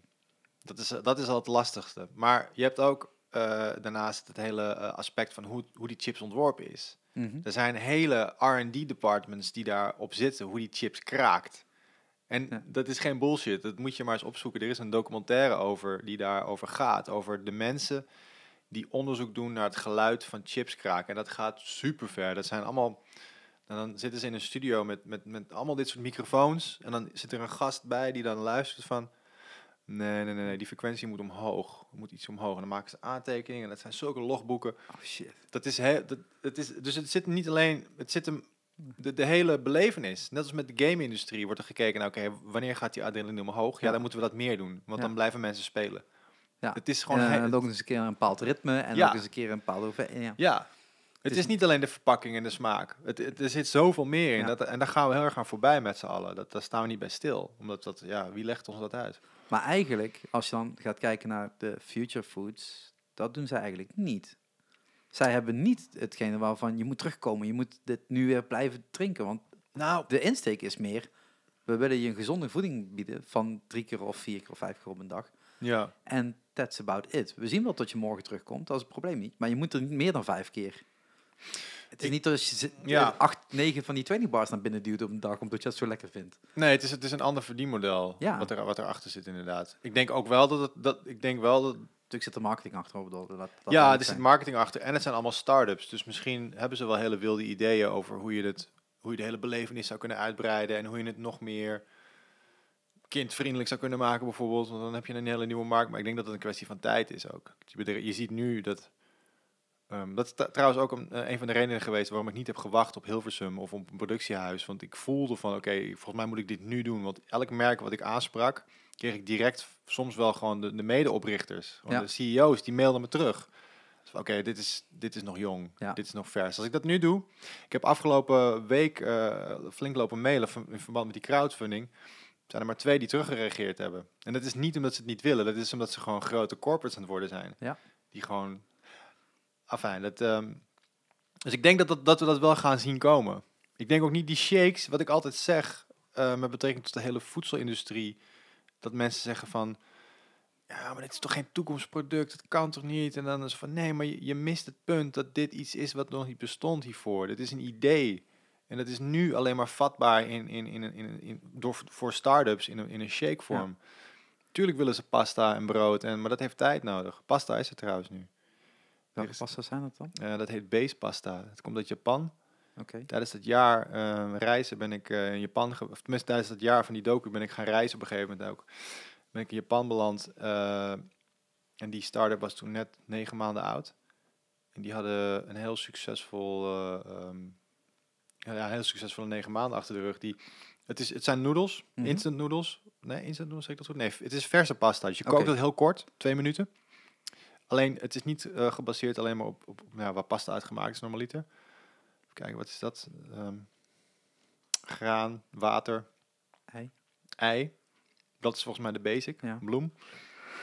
Het, eh, de, de- alle ingrediënten die in zo'n shake zitten, die zitten ook in die pasta. Dus als je één portie pasta op hebt, en dat is volgens mij 250 gram, dan heb je net zoveel binnen als een shake. Oh shit. Ja. En dat is waar het heen gaat. Ja, en dit, moest, dit, dit is het eerste opstapje Ja. Je En hebt een soort duwende richting nodig en dan krijg je geluiden terug. En die, want die CEO die legt ook uit van ja, ik heb dat shake ding aan mijn opa en oma gepitcht. Daar komt hij niet in. Nee. De Japanse eetcultuur is gewoon heel rigide en dat heeft heel veel diepgang en gaat net even wat verder dan hier in het Westen. Dus dat was zijn idee van oké, nou, dan moet ik iets maken wat wel aansluit. En, en, en als je dan zo- zo'n pasta bereidt, moet er dan nog wat bij? Of heb je dan ook echt alles weer gehad? Dat kan. Je kan hem gewoon plain eten. Dat vind ik een beetje saai, maar je, in principe kun je gewoon ja, mee doen wat je wil. En als je dan, ehm, ehm, hè, je, je duikt er een jaar lang dieper op in, je gaat allemaal opeens nieuwe merken voorbij zien komen. Ja, Eh, zijn er dan ook echt nog merken geweest die zeiden van, hé, hey, ik stuur je nu iets op, want ik weet dat je hiermee bezig bent en eh, probeer het dus uit? Of is het altijd vanuit jouw mailen geweest naar die merken en van, hé, hey, ik ben Ehm, bezig met... het, ik denk dat gedurende het jaar in eerste instantie was, was ik degene die, die, dat, die dat deed. En nu is het een beetje omgekeerd. Nu benaderen merken mij ook wel die, eh, die, die, die producten hebben of die dingen willen uitproberen. Of, ehm, maar ik ben ook nog steeds actief met het benaderen van merken en het benaderen van. Ik merk wel in complete food, zoals de shakes, denk ik dat we wel een soort van plateau bereikt hebben waarin ik, ik, ik zou niet zo goed weten, je kunt het alleen maar lekkerder maken of, of, of vloeibaarder, weet je wel. Goedkoper. Goed, ja, goedkoper. Dat is ook nog wel een dingetje inderdaad. Want als, dat, als, als er nu Ja, een, een, ja, een- zeker, een- een prijs, Albert Heijn ja. of een Lidl eh, dit geintje gaat uithalen op hun niveau, Ja, dat is ook iets wat, wat ik nooit heb begrepen. Eh, Iemand, iemand legde me uit van, die zei van, nou, maar dat is ook alweer anderhalf jaar geleden. Wat, wat, wat Unilever nu gewoon doet, is die kijkt gewoon wat er gebeurt. En die heeft gewoon een gratis R&D-department rondlopen, van al die start-ups die dat Ja. doen. En dan kopen ze gewoon de juiste op en dan zijn ze klaar. ja, dat en, zou dat goed dan, en dan naar massa brengen en dan... eh, Maar als je Dan dat naar de massa brengt en als het populair wordt, wat doet dat met de rest van het portfolio van Unilever? Dat is ook een afweging die ze moeten maken. eh, als het genoeg oplevert, maakt het ze niet uit, denk ik. Denk je? Want waarom zou je dan... ik het is niet, natuurlijk hoor. ook- Heb- Het is natuurlijk hebt- goed om eh, als bedrijf zijnde groener te worden. Ja. Dus als zij dan minder vlees hoeven uit te serveren, Yeah. kunnen zij dat labeltje er weer opplakken. Hè? Ja, We maar ik zijn weet, dit jaar 20% groener geworden. Ja, maar ik denk als je gaat kijken naar die constructie, je kent toch wel die mappen waar Ja. je ziet van, de, oké, alle merken ja. die eindigen. Er zijn volgens mij zes van die giganten in Ja, de wereld. meer niet. Ja. Ehm, ik denk dat daar ook heel veel belangen bij zitten qua, qua, qua aandelen, qua ik koop dat van jou, jij koopt dit van mij. Dat is een gigantische infrastructuur in zichzelf, een heel netwerk. En ik ja, ik ben nog ik steeds... ben heel benieuwd hoe Complete Food daarin zou passen of zo. Ik denk dat er gewoon eentje dadelijk gewoon omgaat. Gewoon eentje en die denkt, we gaan het gewoon proberen. We Ja. gaan het gewoon echt marketen naar de massa. We gaan het produceren, produceren op de massa. En we gaan eens kijken wat het doet. Waardoor anderen misschien gaan volgen en dus ook hun eigen geintjes natuurlijk gaan opkopen. Ja. Maar geldt van waarom is er geen McDonald's of een eh, Burger King geweest die drie, vier, vijf jaar geleden tegen onder andere DSM in Limburg natuurlijk heeft gezegd. Hey, jullie zijn bezig met dat kweken van, eh, van vlees. Hmm. Eh, hier is eh, 140 miljoen. Veel plezier, leef je uit. Als jou die burger lukt, ben ik je afnemer. Ja, ik, ik kan me voorstellen. Want dat scheelt hun een hele hoop geld aan de achterkant. Ik, ik vraag me af, inderdaad. Ik denk dat er meerdere dingen meespelen met dat kweekvlees. Want daar heb je het over, toch? ja. lab, labgegroeid vlees. Dat, dat de, de perceptie van de mensen, die is nu nog niet helemaal ready. Die was toen nog al helemaal niet ready. Nee, nee, maar het hoeft ook niet bij de mensen te zijn. Het moet bij die bedrijven zijn. Die Ja, bedrijven, je bedoelt dat... Ja, ja, Als zij ja. er nu op investeren en zorgen dat het sneller beschikbaar kan gaan worden. Hè, want de eerste was 30.000 euro, kost die burger. hè, Mhm. dat, dat geintje werd een, een- natuurlijk in de, in de pers neergezet. ja. Ehm, tegenwoordig zijn ze nog maar een paar duizend euro. En als Ja. het dus inderdaad echt naar die 1 euro burgers gaat, zoals bij de McDonald's liggen, betekent dat de inkoop een paar cent moet zijn. Dat Ja. is echt een hele sprong wat je moet gaan maken. absoluut. Volgens mij is eh, het bedrijf Just uit eh, Californië, die hebben nu een ding lopen in Singapore, waar ze volgens mij eind dit jaar nog de eerste chicken nuggets, gekloonde chicken nuggets op de markt gaan brengen. Ik ben super benieuwd. Ja, want als dat, dat zijn toch dingen waarvan, daar wordt de wereld serieus beter van. Absoluut. En kun je Ja. toch gewoon lekker blijven eten. Want Ja. daar, daar, daar weegt het natuurlijk allemaal tegenop. Ja. We eten een, een McDonald's hamburger, omdat dat 70% suiker is. Mhm. Eh, nog iets plastic erbij en dan eh, een beetje opbakken. ja. en daarom eh, blijft het ergens in je hoofd hangen tot je dat moet eten. Ja. Maar van vlees zit er al zo weinig in, dus waarom zou dat niet ander vlees kunnen zijn? Ja, absoluut. Ik denk, ik denk dat, het, dat, het, dat het met voornamelijk een financiële reden is geweest. dat- dat je inderdaad kijkt van oké, wat zijn de kosten? Hoe, hoe, hoe kun je die drukken? En, Ja, nu is dat nog onmogelijk. nee, want ik denk ook dat de eerste producten die nu, zij het eind dit jaar of volgend jaar of over twee jaar, dat zal nog steeds hoog segment eh, Ja. supermarktproduct zijn. Eh, duurder nog dan de vegetarische slager, zeg maar. Ja. Wat ik al crazy duur vind voor soja dingen. Ja, dat Ik is heb, ik waar- heb dat eens ontleed laatst. Ik zat eens laten kijken, wat, oké, wat zit er nou echt in? Zo, the fuck, ik betaal gewoon vier keer zoveel voor soja met een smaakje. Maar het wel een smaakje wat zorgt tot het... De Als een hamburger Het is, het voelt. is de smaak, ja. Maar het is niet zozeer de structuur. Die kipstukjes, ja, die, Die kips- spekje, die spekjes zijn wel de bom. Maar, Ik vind die hamburger ook nog eigenlijk, eh, ten Ja. opzichte van een hamburger van de McDonald's. maar ik had laatst eens die vega-burger van de Albert Heijn. Die is twee Ja. keer zo goedkoop. Ik, was, eh, ik, had hem, ik had al heel lang niks, niks gegeten van in, in die hoek. Ehm, en ik was echt verbaasd. Ja, ze zijn er wow, bijna. Dit is, Ja. ja. dit is supergoed. En inderdaad voor de helft van de prijs. Maar dat is dus weer die massa die erachter komt te zitten. Die Ja. de Albert Heijn wel kan eh, Ja, eh, fixen exact. en de vegaslager nog Ja. niet. En ik, eh, afgelopen week hadden we onze eigen show weer. En toen moesten we natuurlijk nog ergens eten. En de artiest die zegt van ja, ik, ben, ik, ik eet vegetarisch. Nou, ik zeg Ja. goed, maakt me niet uit. Ik zeg dan kijk wel even. We hebben een burger geha- gehaald bij Wiek in Roermond. Een heel ander dingetje. Maar Wiek, die, eh, die, heeft gewoon een, die heeft gewoon de vega-burger van een vegetarische slager gewoon op zijn menu staan. Mhm. Ja. Dat je dat gewoon een broodje kan keilen en dan er zelf weer dingen bij kan gooien. Ja, shout-out naar de vegetarische slager wel. Want de, de manier waarop zij het debat draaiende houden is wel heel belangrijk. En, en ik zeg wel dat het te duur is voor soja, maar ik snap ook helemaal hoe... eh, Dat ze is kunnen ook, nog niet lager krijgen. Nee, dan moeten ik- heel veel meer mensen dit gaan eten nee, en dan gaat het vanzelf Ja, van Ik omlaag. begrijp het, ik begrijp het.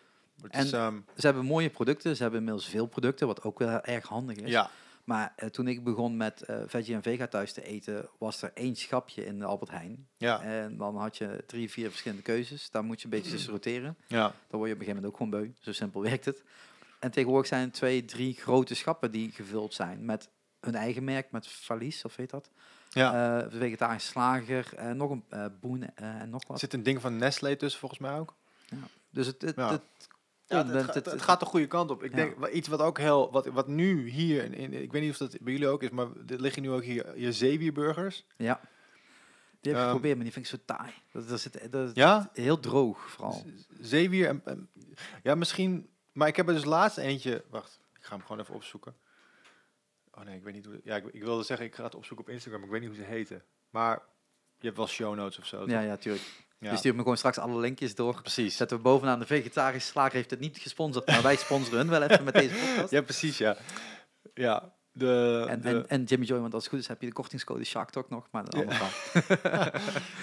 ehm, Ja, scheelt je toch 7,50. Dat is toch een hoop.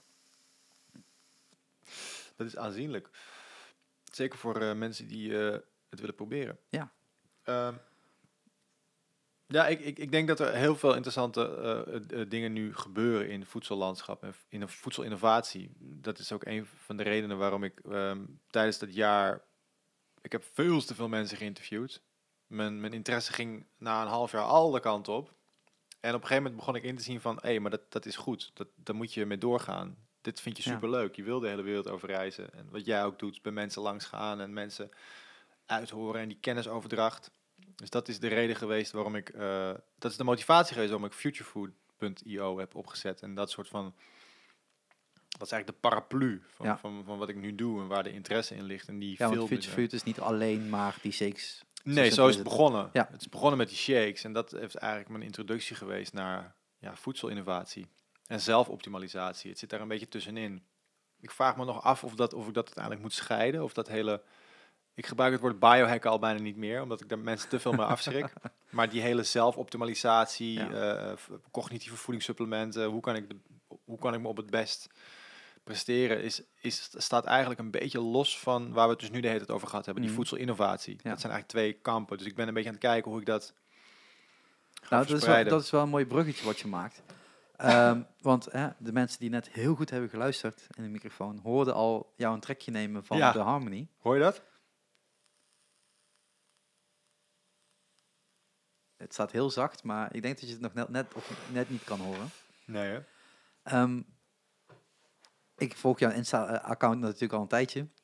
Ehm, eh, soms maak je hele verhalen en denk, oké, ik heb nu even geen tijd, ik skip ze even door, maar Ja, een dag later zijn ze weg. Dat is dan weer een beetje jammer aan, natuurlijk aan, aan de stories eh, manier. Ja. Ehm, maar sommige dingen komen gewoon vaker terug bij jou. Ja. En hè, dat is niet alleen eh, de, de, de drinks en de shakes die je natuurlijk hebt gehad. Want ik zie daar gewoon een, een, een pakketje liggen aan lege flesjes, kook ik zo. ja, dat zijn de, die witte flesjes, dat zijn de, de eerste, dat is de Jake.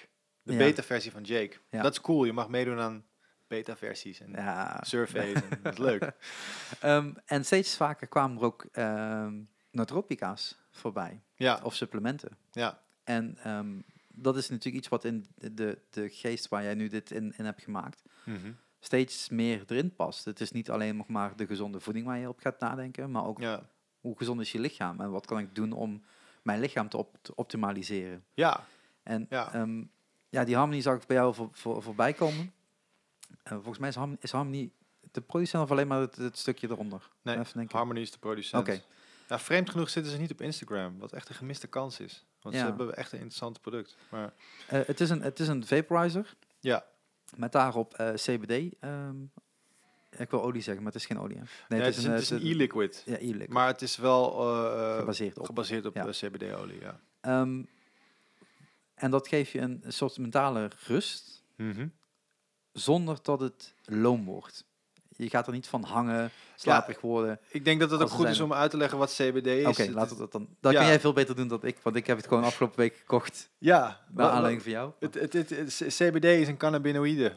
Als ik het zo, ja, volgens mij zei ik het nu in één keer goed. Cannabinoïde. ik Ehm, zou struikelen over het woord. Ja, het, eh, het komt van de marihuana-plant, of cannabisplant. Eh de bekendste is THC. Daar word je stoned van, die is psychoactief. CBD ehm, is ook een cannabino- cannabinoïde. En er zijn er meerdere. Volgens mij zijn er acht of negen uit mijn hoofd. Ehm, en die hebben allemaal hun eigen eh, ja, kwaliteiten. En die werken allemaal op andere receptoren in de hersenen. Ehm, ja, wiet is in Nederland het meest bekende, omdat je er stoned van wordt. Ehm, maar het, als je de THC ehm, weghaalt, dan... Of nee, ik leg het verkeerd uit. Je hoeft de THC niet weg te halen. Wat je moet doen in het extractieproces is je focussen op CBD. Hoe dat exact zit, weet ik niet. Maar ehm, net als met een tomatenplant kun je planten kweken zodat ze bepaalde eigenschappen hebben. Ja. Dus je kunt ook die cannabisplant zo kweken dat de bloemen die eraan zitten ehm, nauwelijks of geen eh, THC bevatten en heel veel CBD. Daar eh, dat hele eh, proces, ehm, nou, ik weet dus niet zo goed hoe dat werkt, want ik ben geen veredelaar, ik ben geen, maar goed, het is niet psychoactief. Ehm, het heeft een kalmerende werking. Het heeft ook eh, redelijk wat werkingen als je het bijvoorbeeld eh, op je huid zou smeren. Het, het, het, doet, het doet dingen met je, met je vetbalans in je huid, zijn ze Oké. laatst achtergekomen. Het, zou, het, zou, eh, het heeft heel veel potentie voor acnebestrijding. Er komen eigenlijk steeds meer dingen naar boven rond CBD die heel positief zijn. En omdat het dus niet psychoactief is, je wordt er niet stoned van. Het Nee. beïnvloedt niet je, je, je hersens op die manier. Ehm, dus ik, ik heb het een tijdje geleden aan mijn zoon gegeven. Gewoon om te kijken of hij er beter door kon slapen. Of, of dat hij rustiger werd in het weekend. En ja, hij reageerde er niet echt op, dus we zijn ermee gestopt. Maar het, is, het, is, het is heel anders. Het is, niet, het, is, het is van de cannabisplant, maar het is niet, je wordt er niet stoned van. En waar, waarvoor, waarom ik erin geïnteresseerd in ben, is omdat ik, het, het, het, het heeft heel veel te maken met die documentaire eigenlijk ook wel. Omdat ik daar op een gegeven moment een punt had waarop ik merkte van oké, iets is sterker dan mij. Ik, ik, ik zit nog steeds niet. Mijn doel tijdens die film, draaien van die film, is, is op een gegeven moment geworden van oké, ik, ik, ik merk dat die voeding iets doet. En ik merk dat ik er beter door word. Ehm, hoe, hoe, kan ik, hoe, kan ik hier, eh, hoe kan ik hier nog meer induiken? Wat zijn nog meer mogelijkheden om naast voeding 100% ook om een cognitie 100% te krijgen? En eh, zo zijn die, die cognitieve voedingssupplementen op mijn pad gekomen. En uiteindelijk ook CBD. Omdat ik soms wel eens last heb van eh, ja, focussen, concentratie. Mhm. Ik heb als kind eh, Ritalin gebruikt. Altijd, eh, ik ben een ADHD-kind. Althans, zo ben ik altijd bestempeld en eh, behandeld. Ehm, dus die, die, die lange termijn focus is soms bij mij erg ingewikkeld. Daar heb ik allerlei ja, de, de hulpmiddelen bij nodig. Ja. En CBD is een hele goeie. Want wat het doet eigenlijk is, is, is die, die, die chaos die in je hoofd zit. Althans, zo werkt het bij mij dan. Mhm.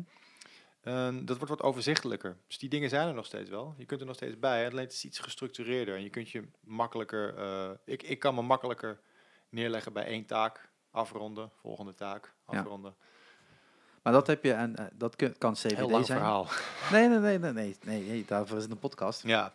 En daarvoor kan het een podcast zijn, zal ik het zo zeggen. ja. Ehm, ehm, maar er zijn nog meer dingen van. Want ehm, eh, ik ben even het, het witte doosje wat je had.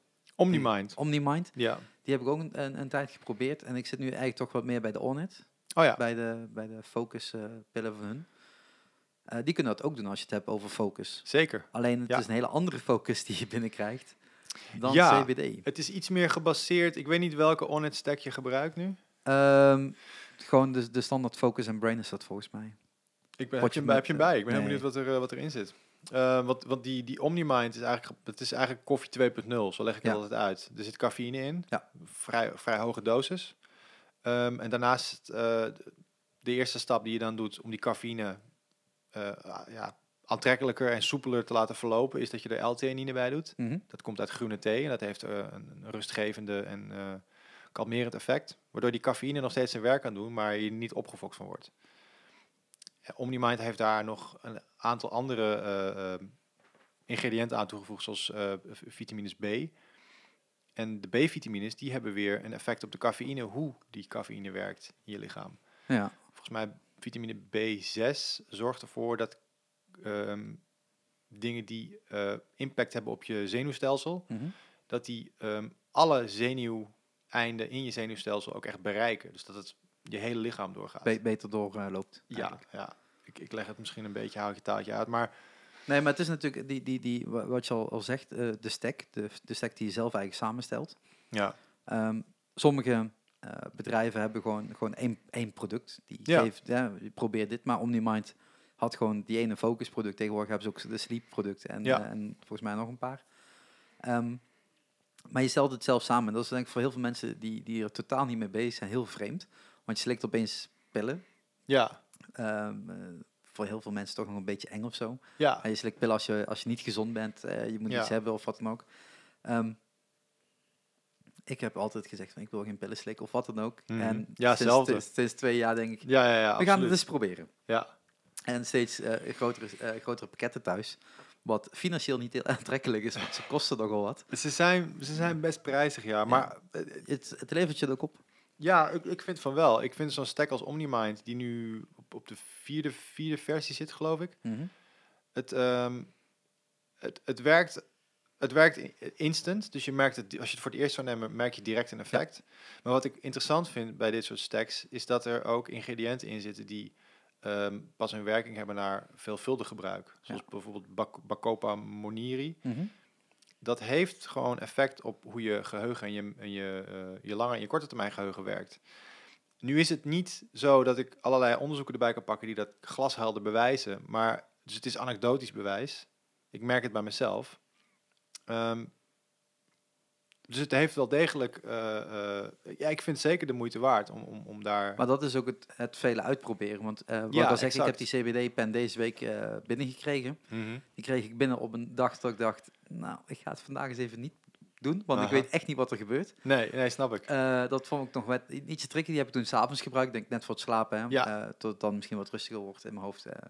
Het kan vrij weinig kwaad. Ja, Ik heb toen heel vreemd gedroomd s'nachts. Ik, ik slaap sowieso al, eh, al 14 jaar eigenlijk gewoon heel kut. Ik heb altijd nachtmerries. Mhm. Ehm, dus alles wat slaap bevorderend is, echt geef mij en ik, ik probeer het uit. Huh. Ehm, en dan even meer, weg- eh, de droom werd anders. De, Mm. eh, het, het, ik werd op een rustigere manier wakker. Hm. En ik heb nog wel zo'n zo'n zo'n zo'n flesje, ik denk dat het ook van Ornid is.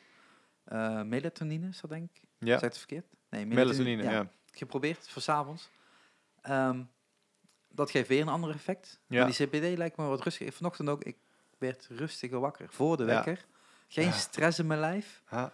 Ik denk, ja, als het dat is, wat dit doet, is goed. Is goed. Ja. Ondanks dat ik als ik het nu gebruik, niet het idee heb dat alles nu heel tot rust komt. Nee, nee, nee, nee. Dus dat, het is een beetje van, het kan misschien voor iedereen wat, wat, wat anders.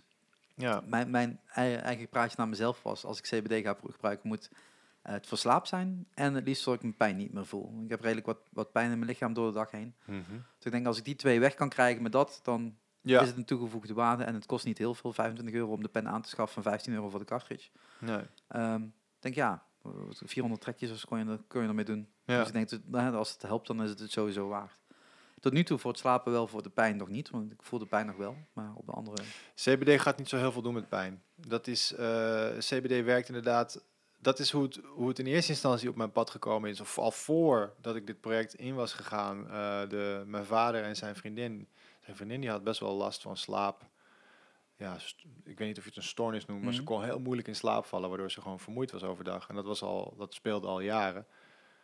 En ik had toen een documentaire gezien van Vice met Gwen Pol, waarin zij eh, de Nederlandse medicinale wietindustrie uitpluist.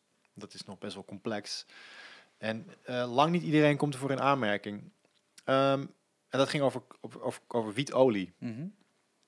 En daarin kwam op een gegeven moment ook het bruggetje naar het verschil tussen THC en CBD. Dus ik tipte dat aan mijn pa. Dus wij probeer dat eens, want je kunt het gewoon hier en hier en hier bestellen. En het is relatief goed te betalen. Ja. En die hebben daar super goed op gereageerd. Zij heeft haar slaapritme weer terug. En ze, is nu, ze gebruikt die CBD niet meer. Omdat die ritme terug is en het is gewoon... Er is iets, er is iets ja. in werking gezet wat... ehm, dus dat was voor mij heel erg een eye-opener van... Ja, zie je wel. Het is niet alleen maar in films. Het is gewoon... Het is iets. Eh, maar om terug te komen op het ding van je pijn. ehm, ik denk dat, dat daarin zou eh, THC-olie juist wel weer interessanter zijn. Omdat dat... ehm, verlichtend is. ja, Ja. dat, dat, dat eh, vooral mensen met, met reuma of, Ja. of met, met gewrichtklachten die. En je hoeft daar ook niet per se heel stoned van te worden. Dat, dat, dat hangt een beetje af van de dosering. Als, je, als jij. Een tijdje geleden had iemand. ehm ehm, achter jou zat een hele grote. eh, p- nou, heel, hij is inmiddels wat geschonken, maar een peperplant. Ja. Ehm, die is van mijn vriend Wouter. En dat is een soort botanicus. Mhm. En ehm, er was een andere botanicus bij hem thuis over de vloer. En die had eh, zelfgemaakte THC-olie bij zich. Maar hij zei, neem maar een theelepeltje. En ik zei, dude, een theelepeltje. Klinkt heel veel. Ik moet nog best wel veel doen vandaag. Maar hij zei, nee, nee, nee, ik heb, ik heb het verdund en het is aangepast. En ik weet wat ik doe en ik, ik, ik doe het al jaren. Dus ik neem dat theelepeltje en eh, ja, inderdaad, ik heb gewoon een hele chille middag gehad. Ik, er, werd- er werd net iets aangetikt eh, wat ik herkende van wiet roken. Dat heb ik in het verleden best wel veel gedaan. Ik totaal niet, dus voor mij is het geen... Oké, je hebt geen referentiekader. nee. Nou, als je een joint, als je een sterke joint rookt en je neemt één hijs, dan heb je na vijf à zes minuten dat alles soort van, wow, dan voel je zo'n deken over je heen vallen. En dan, als hij verder valt, dan wordt het relaxed. En dan wil je alleen zijn en dan kun je geen boodschappen meer doen. Althans, dat heb ik heel erg. En dit was zeg maar, ja, nog niet eens een tiende daarvan. Dat was gewoon Dus net gewoon net die dat... shift. Ja. Ja, en ik kan me heel goed voorstellen dat als je last hebt van pijn, ik heb dat gelukkig niet, maar ik kan me voorstellen dat dat dan net gewoon verzachtender werkt, waardoor je ja, ontspannender ehm, door het leven heen kunt gaan. Dus dat, ehm, Maar dat is natuurlijk ook, hè, als je met jezelf bezig bent. ehm, vroeger werd natuurlijk altijd gezegd, je, moet- ja, je moet naar een dokter toe. Hè. Die gaat je wel vertellen wat je moet doen. Ja. Mijn dokter zei, je moet afvallen. Terwijl ik denk, ik heb last van mijn pink. ja. Eh, volgens mij, die twee matchen niet in mijn hoofd. nee, zou ik ook niet direct Nee, zeggen. Nee. Weet je, maar, maar dat, dat idee, zeg maar. En dat, Ja. en dat werd iedere keer ge, geopperd. En ehm, ehm, je moet minder stress hebben. Ik denk, ik ben... Je moet minder stress hebben. Ja, hoe? Eh, ik Ja. bedoel, ik, wa- wat was ik toen? 18 of zo, 19? Je moet minder stress hebben. Nou, ik heb volgens mij nog nooit zo weinig stress in mijn leven gehad rond die eh, periode.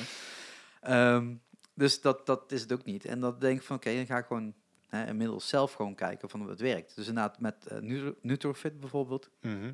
goede leverancier van, eh van eh nootropica's, maar ook van, van een aantal andere producten. Ga gewoon eens bestellen. Ga Ja. het gewoon eens een keer proberen. Ik had er eentje van mijn Gut Health was dat dan. Mhm. Wat eh, 35 euro voor, voor 12 pakjes, wat toch wel redelijk veel is, waar Ja. acht verschillende pillen in zitten of zo, Ja, die je allemaal in één keer moet nemen.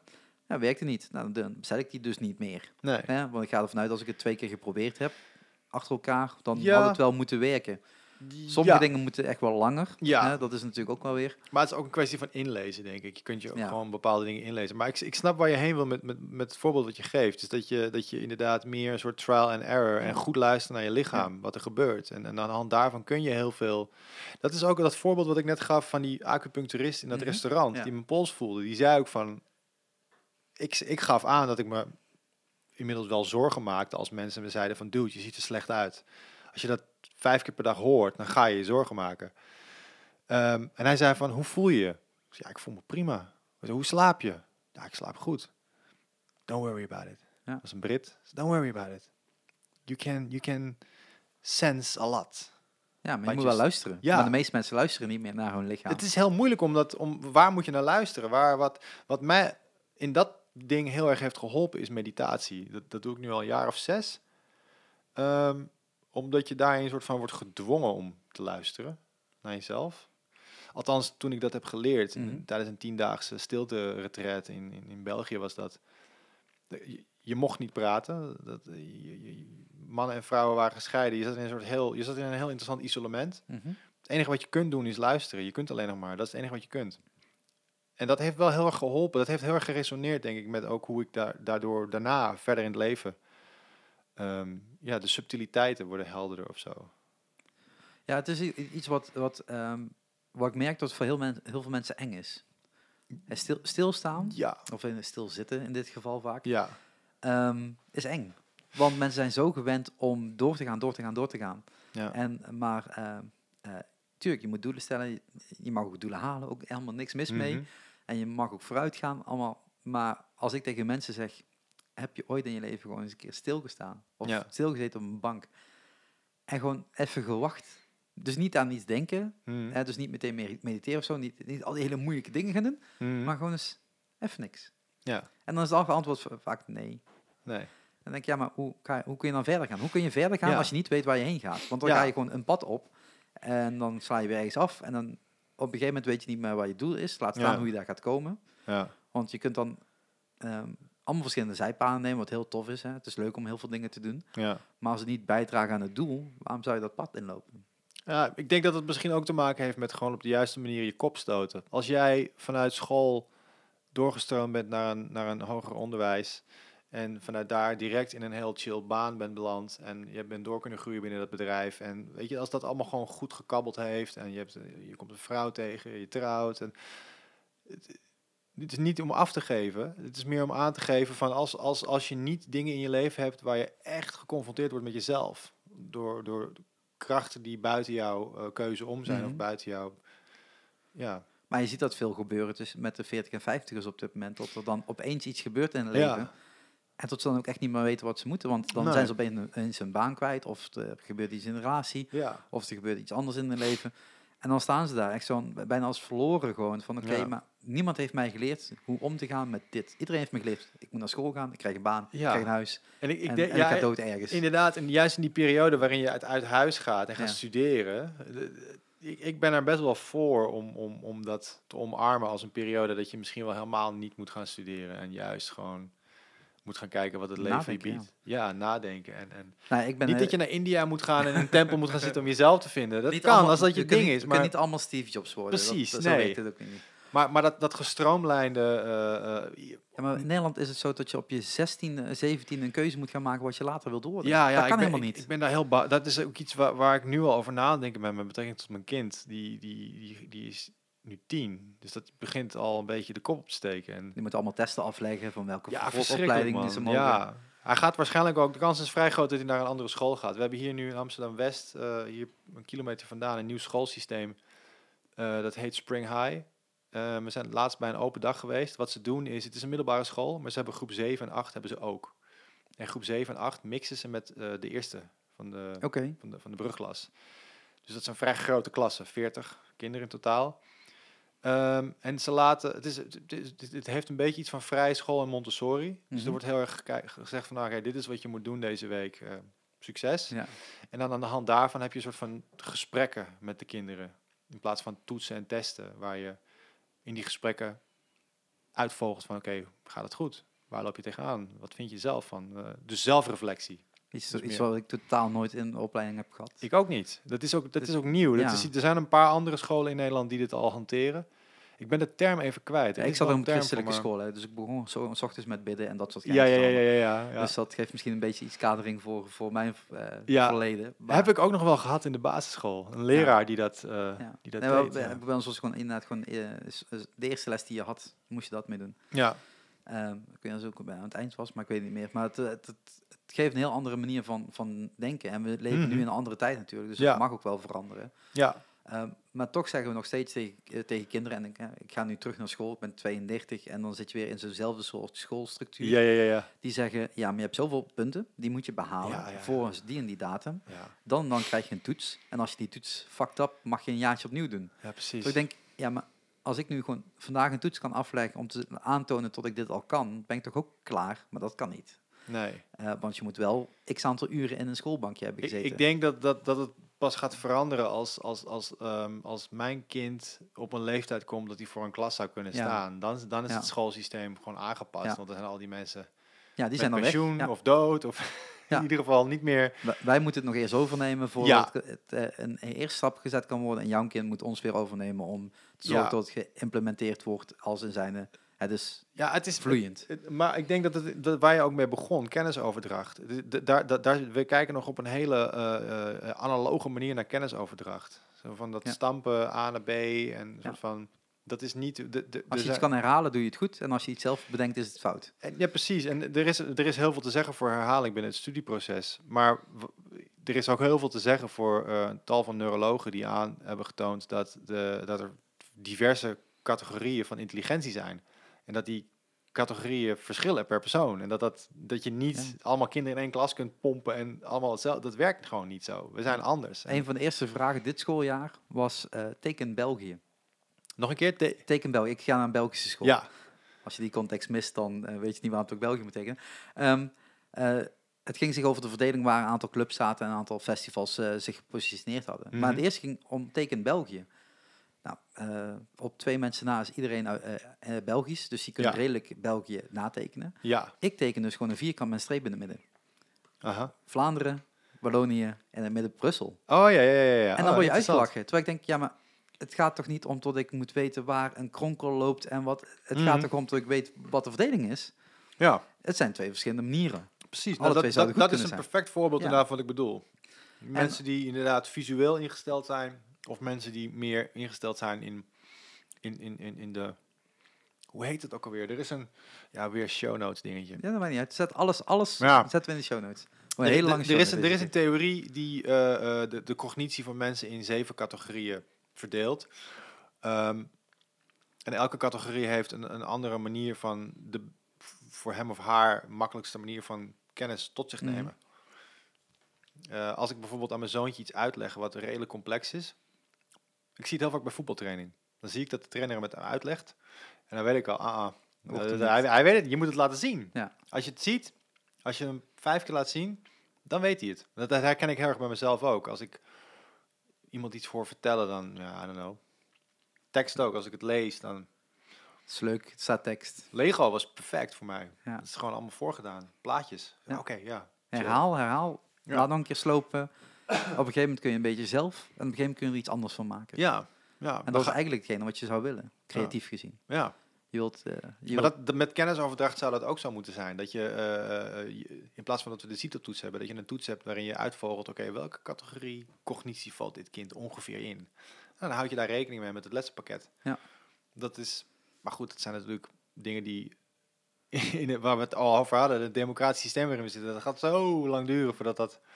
het gaat veranderen, alleen lange Ja. adem. En, Ja. en dat is waar sommige mensen niet op kunnen wachten. Ik, nee, ik denk dat er wel hele interessante posities vrijkomen voor NGO's. En als, als, als eh, bedrijven die daarop in kunnen spelen, omdat ze ook de waarde inzien van het genereren van arbeidsmarktkrachten. Je, kunt, je hoeft niet alles via de overheid laten, te laten Nee. verlopen. Ik ben geen libertarian, maar je kunt. Ik, ik, ik heb wel vertrouwen in, in de mensheid in de zin van dat, we, dat wij het er nu zo over hebben. We zijn niet de enige. En, en, en daar, daar komen echt wel. Nee, en tussen ons zit 200 kilometer. ja, Dus dan moet daartussen moeten andere mensen hetzelfde exact. in, denk- in kunnen Ja. denken natuurlijk. En dat is natuurlijk ook, eh, als je dan hebt, eh, weer om een beetje terug te pakken naar, eh, naar Future Foods en naar de nootropica's en dergelijke Ja. van deze wereld. Er zijn dus mensen geweest voor ons, Mhm. die daar dus blijkbaar al bezig mee zijn geweest, tien jaar geleden, dat ideetje een keer hadden, dat zijn gaan maken en ga, zijn gaan zeggen van oké, het kan ook op een andere manier. Daar, Ja. ho- daar hoeven we de grote corporates niet voorbij bij nodig te hebben. We beginnen gewoon, zoals Joey, vanuit zijn eigen keuken, Ja, ehm, een weegschaaltje en, en veel Ja, plezier. ja, hij er vroeger wat anders op legde, dat maakt niet uit. Nee. Het is, het is, hij heeft op een gegeven moment een, om- een omkanteling in zijn, in zijn, in zijn brein gehad en dacht van oké, maar ik kan een toegevoegde waarde zijn. Hetgene wat natuurlijk het mooiste is wat je kunt bereiken, denk ik. En dan in zijn niche, in dit geval voeding. Ja. En eh, eh, afgelopen week is natuurlijk Stan Lee overleden. Ja. Hij heeft datzelfde gedachtegang gehad over comics. Ik kan Mhm. toegevoegde waarde zijn, ik kan iets moois maken. eh, waar heel veel mensen plezier uiteindelijk van hebben. En het eerst begon, begin las niemand een comic. En kijk hoeveel miljarden industrie het nu is ja. geworden. Ja, ja, ja. Waar zouden we zijn zonder Stan Lee? Ja. Wauw, dat zou echt een saaie wereld zijn. Ja, Wow. maar zo werkt het daar ook voor Future Foods. Of voor mensen die nu CBD gebruiken, wat voor heel Mhm. veel mensen eng is. Toen ik tegen mijn ouders zei van, hey, ik, eh, ik heb nooit gerookt. Mhm. Ik ga een vaporizer kopen. Ik heb nog een ander eh, besteld, die komen later dit jaar. Mhm. Van Spark, ik weet niet of je dat voorbij hebt zien komen. Spark? Ja, een, om eh, vitamines te inhaleren. Ja, ja, ja, ja, ja. Die heb ik wel voorbij zien komen, ja. Ja, dus eh, zeker. dit setje heb ik besteld. ja. Ik denk wel, toch eens proberen. Dus toen mijn Ja. ouders zei, hadden ze echt ja, maar roken, weet je, dat, dat is niet, niet bij jou, weet je. Je hebt nooit gerookt en waarom zou je dat nu opeens wel gaan doen? Terwijl ik denk, Ja. ja, maar je hebt nu een toepassing gevonden wat wellicht, hè, want als het niet werkt, dan gaat het gewoon lekker weer de deur uit. Ja. simpel is het ook. Ehm, waar ik iets mee aan heb. Kijk, roken hoeft van mij niet. Ik hoef geen nicotine in mijn lichaam te hebben. Waarom zou ik dat willen? Kijk, eh mee roken is sowieso van toepassing als je in een club of een festivalwereld leeft. Ehm, maar ik hoef niet zelf eh, te, te, te doen. Nee. Hè, dat geld wil ik er ook niet aan spenderen, dat is nog een ander gedeelte. Eh, en nu heb ik iets gevonden waarvan ik denk, ja, misschien, misschien wel. En hetzelfde met die pillen, toen ik dat voor de eerste keer vertelde, ja, vreemd. En als ik dat op school vertel, is het nog steeds vreemd. Ja. Dus af en toe zeg ik gewoon zo'n doosje op, op tafel, dan zeg ik tegen me, pak dat maar. Mhm. Probeer het maar, want als het jou ook helpt, hè, we moeten alle twee studeren. Mhm. Dus als deze studeerpil of weet ik veel wat allemaal voor Ja. jou werkt, dat is toch fijn? Dan kun je het toch Ja, wat, wat zijn er, doorleven. zijn er mensen die door, doordat je het op tafel hebt gezet op school eh, het zijn gaan proberen? Er zijn een aantal mensen die iets geprobeerd hebben, ja. Ja. En sommigen die zeggen van ik vind het me helemaal niks. De anderen zeiden van ja, ik wil het misschien toch wel doen.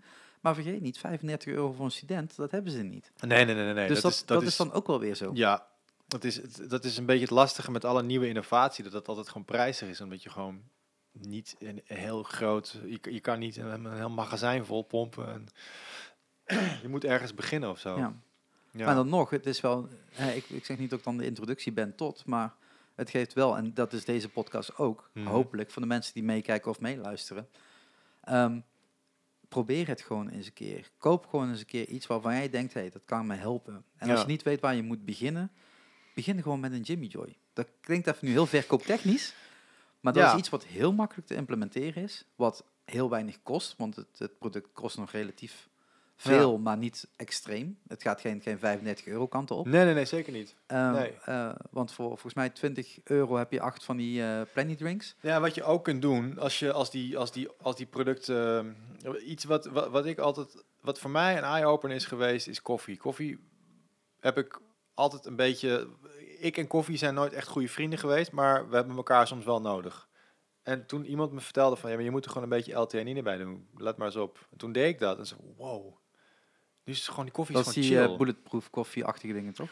Bulletproof is, is dat dat je met vet... eh, nee, dit is anders, ja. Dit, is, dit gaat puur om de werking tussen eh L-theanine en cafeïne. ja, Ehm, ik was gewoon niet... Ik, ik hou niet van die opgefoktheid van cafeïne. Dat vind ik gewoon dat niet hoeft niet in chill. je lichaam te zitten. nee. Nee, ik ben daar echt gevoelig voor ook.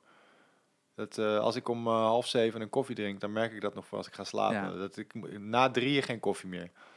En er zijn mensen die hebben dat niet en mensen die hebben dat wel. Ik heb dat wel. En toen ik dat merkte, was het voor mij van wow.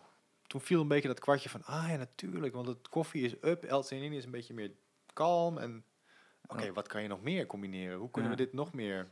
Dus als je dat een keer probeert, als je een fanatiek koffiedrinker bent, maar je hebt ook last van die jitters en die stress en, dat, en je wil dat niet, L-theanine, dat Ja.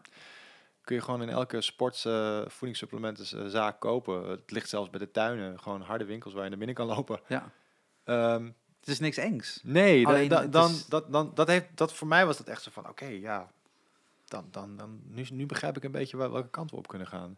En ehm, eh, als we dan nu in iets andere richting binnen de podcast nog even extra opgaan. Hmm. hè, we zijn al een uur 40 minuten bezig. Echt, gaat het zo snel? Just saying. Oh, wauw. Ehm, is eh, alles wat net eigenlijk besproken is en Ja. aangetikt is, komt eigenlijk samen in een documentaire. Klopt, Die we net ja. al een paar keer aangehaald hebben, maar Ja. eigenlijk daar niet, niet dieper in zijn gegaan. Want je hebt een jaar lang die documentaire gemaakt Ja, met ehm, ehm, je telefoon, met je camera en met interesse. ja, En nu wil je dat eh, eigenlijk nog naar de buitenwereld gaan brengen. klopt. En daarop heb je een crowdfunding voor de kunstpagina. Correct. Zeg ik goed, hè? Voor de Ja, kunst. dat hè? is voor de kunst is het, Voor ja. de kunst is gewoon top sowieso. Die Sowieso, ja, ze zijn, eh, heel hulpzaam. Ja, Nederlands, ook fijn. Ja, heel behulpzaam, absoluut. Heel- snelle, snelle feedback, eh, dingen worden, worden goed opgepikt. En, eh. en fijne pagina om mee te werken. Het, het is niet te ingewikkeld. nee, de CMS die erachter zit, Ja. noem je dat zo, CMS? Ja, het is heel, heel toegankelijk. Dat is klik, klik, go. Ja. Ehm, ja, de, de, de- Want wat, wat was je doel nu met die documentaire? Want aan de ene kant wil je geld ophalen. Weet Ja. je, je weet hoeveel? Ja, 7.500 euro is moet ik ophalen. Nee, dat, dat is, ik, ik, ik heb een beetje geschipperd ertussen en uiteindelijk besloten om het ietsjes naar beneden te, te halen om, om, om wel ehm, om die threshold ook niet te hoog te houden. En ook ergens wel om aan te tonen van je hebt niet anderhalve ton nodig Nee. om een fucking documentaire te maken. Nee. Maar kan ook onder de 10k. Ja, Ja, ja, het is, die, die som heb ik eigenlijk gemaakt. Ik heb be- bekeken hoeveel materiaal ik heb. En dan uitgerekend, oké, daar heb je zoveel uur voor nodig om dat te spotten. En te categoriseren en, en uiteindelijk in elkaar te puzzelen. Mhm. En dan kom ik uit op 2,5, 3 maanden fulltime werk. Ja. Ehm, dus dat is drie maanden salaris. Ik kan, ik kan drie ja. maanden niet werken. Dat is eigenlijk de Ja. rekensom. Dan kom je op ongeveer dat bedrag uit. En daar zit dan ook nog een, eh, een kleurcorrectie in en een, eh, ehm, een Engelstalige ondertiteling. De film is 70% Nederlands, 30% Engels gesproken. Oké, ja. Dus dat, dat is de rekensom. Ehm, dat is minimaal. Dus ik verdien er niks op. Ik, ik, ik, Nee, het zou ook heel vreemd zijn als je nu zegt van hé, eh, ik heb het nu allemaal helemaal gemaakt, maar nu wil ik het terugverdienen en dan, weet je, dan pas breng ik hem uit. Ja, ja, precies. Nee, nee, nee, nee. Hij moet dus nog gemonteerd worden. Ehm, en wat ik het afgelopen jaar gedaan heb, is het toch nog geprobeerd te spelen via de eh, eh, weg van Hilversum. Mhm. Ehm, en ik heb daar gewoon heel lang moeten wachten op een nee. Dat heeft dat hele proces. BNN was heel enthousiast. Ehm, Dat is ook eerst de plek waar, Ja. ik van denk van dat hoort ja, daar. ja, dat is een hele logische combinatie ook. En, en die waren best wel eh, verrast ook van het onderwerp. En die zagen dat wel zitten. Ehm, maar die moeten dat dan vervolgens nog bij de NPO er doorheen krijgen. Dat heeft 6,5 maanden geduurd voordat ze daar een nee kregen. Bullshit. 6,5 Gewoon maand. bullshit. Gewoon wachten. En in die tijd kun je niet gaan shoppen bij anderen. Al- Althans, dat is niet netjes. Had Nee. ik prima kunnen doen. Maar ja, voor mij was het ook nieuw. Het was pas de tweede keer dat ik ehm, met, met, een, met een omroep aan tafel zat. Tweede keer een nee. Ehm, en wat ook elke keer weer naar boven kwam, vorige project was ook al gedraaid, deels. Dat willen ze niet. Ze willen dat je met een plan komt. En dan gaan ze dat dan uitdokteren. meehelpen en Ja, mee vinger in de pap. Ja. Maar En werkt het niet meer, mensen? dat- Stop dat- daarmee. Dat is, dat gaat, de snel, sommige dingen ga hebben gewoon, moet je gewoon doen op het moment dat iemand, ja, Ik zit dus- op hetzelfde punt hoor. Ik heb een project gestart met concerten organiseren. ja, En als je dan gaat, eh, wilt gaan praten met fondsen, ja. dan zeggen de fondsen, maar je bent al begonnen, dus je hebt ons niet nodig. Ja. Eh, Nee, nee, ik wil je nee. even laten zien tot het nodig is en dan moet jij me gaan helpen. Initiatief Ja. wordt afgestapt. Maar dat zeiden ze bij BNN ook, hè. BNN vindt het niet chill dat het zo is. Het is niet zo dat BNN... nee, nee, het is nee, vooral, het is- het, is, het is ook niet dat, het- dat de NPO de duivel is. Wat het, wat het lastige is, is dat het een heel groot orgaan is. En ze maken jaarplanningen. Ja. Ze kijken soms wel 18, 19 maanden vooruit. Ja. En ze hebben te maken met doelgroepen. En ze hebben te maken met sponsoren en met overheidsgeld. Het is... het- Dus begrijp me niet verkeerd, ik zit er niet af te geven. Nee, nee, ik merk, het is alleen wel, wat ik wel heb geconstateerd, is dat er een gat is, wat nog niet echt gevuld is. Nee. Ehm, en voor de kunst is in dat opzicht super interessant. Crowdfunding heeft heel veel mooie dingen mogelijk gemaakt. Zeker. Ehm, dingen die uiteindelijk ook op tv komen. Ehm, dus voor mij was van de zomer, want ik heb het daarna nog een keer gepitcht bij de VPRO online.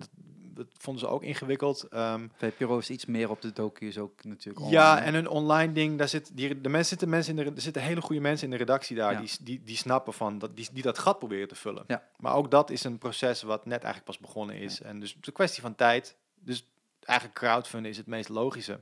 Eh, maar ik heb het altijd heel doodeng gevonden. Want alles komt op jezelf neer. En het heeft eventjes geduurd voordat ik doorhad van... ja, maar dat is juist vet. Want dan kan je alleen maar... dan, dan, dan komt alles op jou neer. En dan moet je al je skills en je talenten en het materiaal gewoon gaan inzetten... om mensen te overtuigen. Dus dat loopt nu.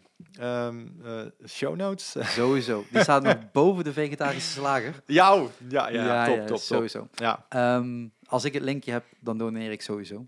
heel erg bedankt. Eh, want eh, de content die je hebt gemaakt, en ik ben heel benieuwd naar de docu, heeft waarde. Zo simpel is het. Dank Ik je. heb al een keer eerder in de podcast gezegd, muziek, kunst, hebben waarde.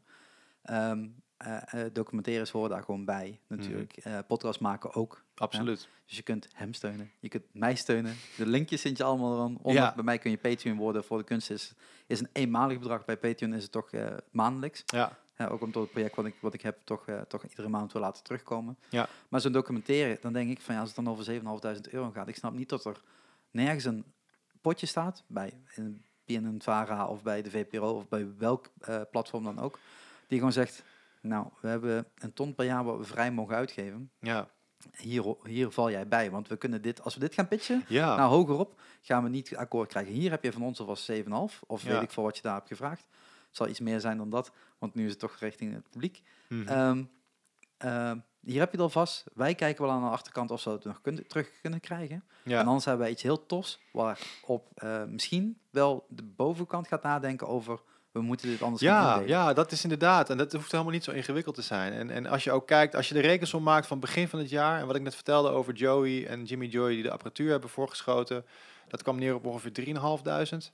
Eh ik heb er nu 7.500 nodig. Ja. Dus dan, dat, dat is het bedrag in, Wat je eigenlijk nooit had gehad. om... Ja, en ik heb wel, ik heb een beetje mazzel gehad, want ik zat net in die crypto-golf. Ja. En daar heb ik van mee kunnen snoepen, waardoor ik veel makkelijker kon reizen. Dus ik heb ook mazzel gehad. Ik Dat, eh, ben benieuwd hoe ver het dadelijk weer gedaald is op mijn lijsten. Oh shit, dat deed Dus- afgelopen week pijn.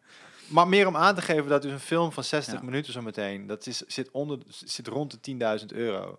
Dat Maar is, ja, maar dat, is, helemaal dat is editwerk en, en, en camera. Dat is niet de tijd die je erin hebt gestopt en dat zijn niet de producten. Nee, Dus dat, zou, als Dat je dat is bij, eerlijk erbij zou tellen, dan Ja. zou het misschien wel richting 50.000 euro gaan.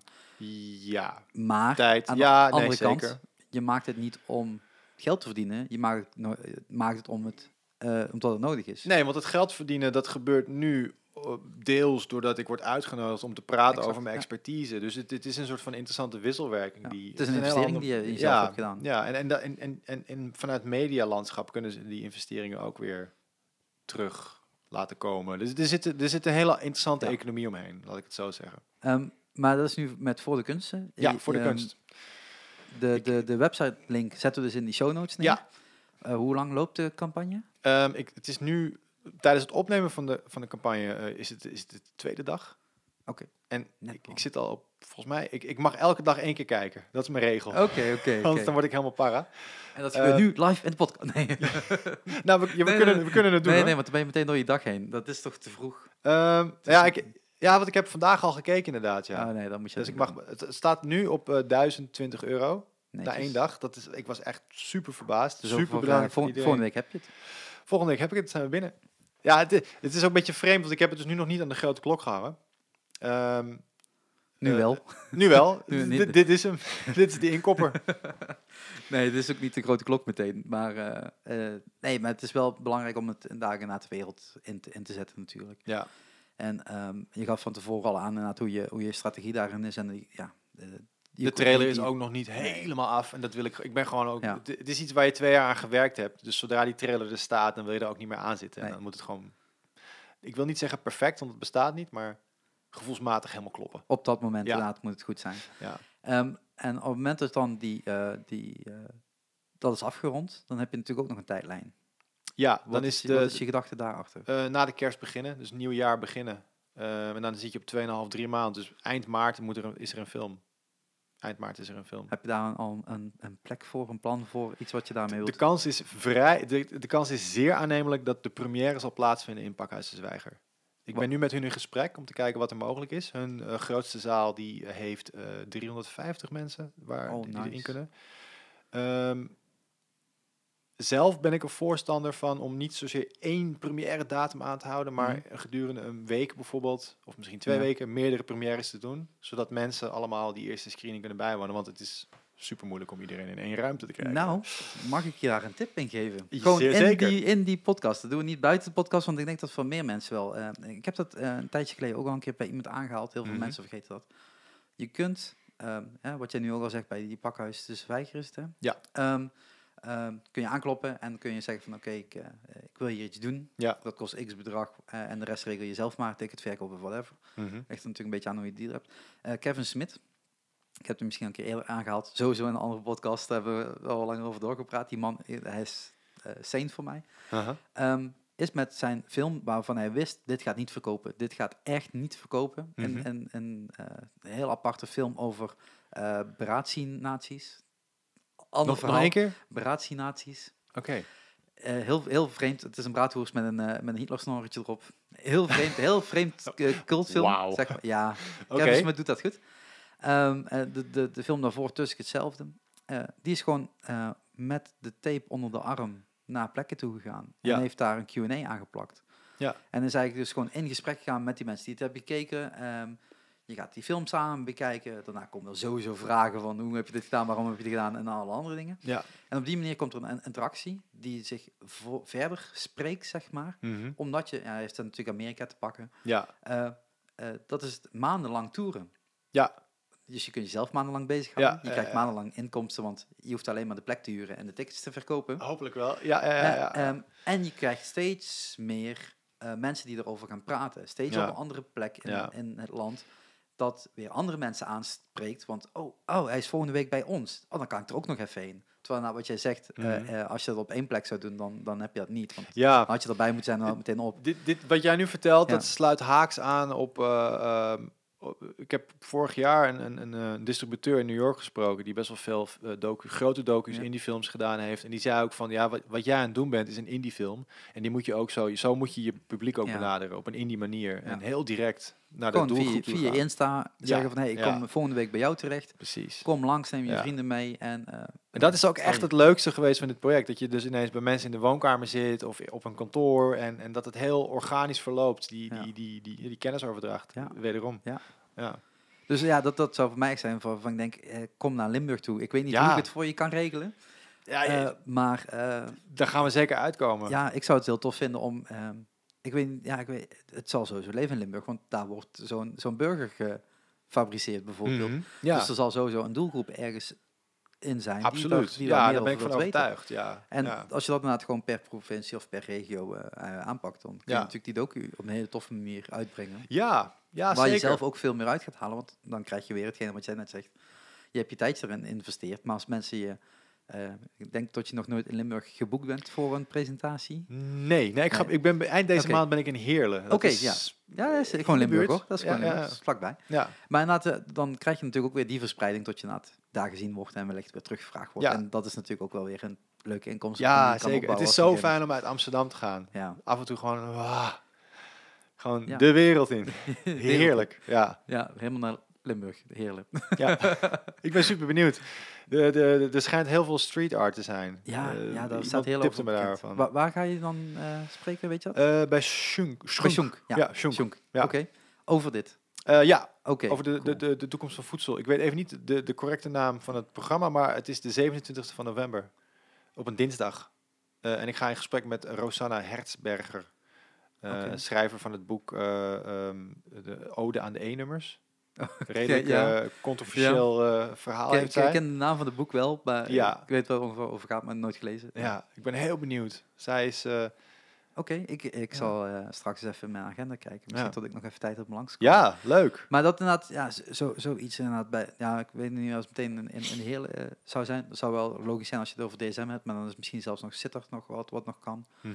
Eh, maar inderdaad, ja, ik zou in ieder geval, wat je al zegt, de, de tijdspannen, het is ongeveer maart waar we daar iets in ieder geval iets in Ja. mogen verwachten. Ja, Ehm, gesprekken met eventuele publieke omroep lopen tegen die tijd waarschijnlijk ook nog wel. Tot, Ehm, ik- tot zij er misschien toch nog iets mee willen. Misschien, Wat heb je hem af? ik, ik, de deur staat nog steeds Ja. open. NPO 2, 3, ik, de deur staat nog steeds open. En anders als er een Netflix. film is. hè? Ja, dat is ook, ben ik, die, volgens mij hebben die, zijn die nu net, ik hoorde laatst in de wandelgangen dat zij, aan, dat zij bezig zijn met kijken hoe het in Nederland... Nou, zij zijn, Kan. zijn ze daar verplicht, hè? Vergeet het niet. Is dat zo? Door Europa is verplicht gesteld dat zijn x aantal procent van hun eh, eh, dingen die ze online hebben staan, moet, uit, moet uit het land komen. Shout-out naar Europa. Ja, het kan positief en negatief zijn. Want als ik dan opeens geen toffe docu meer uit Azië kan kijken, omdat het hier 30% Nederlands V- moeten zijn. VPN, VPN. Eh, ja, Ja. ja, Ja. Nee, nee, zeker. Maar ik denk dat het wel goed is om Ja. als, ne als Netflix zich een beetje gaat moeien in, in, in, het landschap van televisie. Maar dan moeten ze dus, en dat is natuurlijk iets wat, wat ik heel vreemd vind vanuit Europa zijn, en nu leggen ze dat Netflix op, wat je dus Ja. eigenlijk tegen Netflix zegt, jij moet in ieder land moet jij kennis gaan hebben. Ja, maar dat is toch prima? Ja, maar dat, dan, moet, dan verplicht je dus een bedrijf om te zeggen, overal waar je bent, moet jij een bedrijfje oprichten.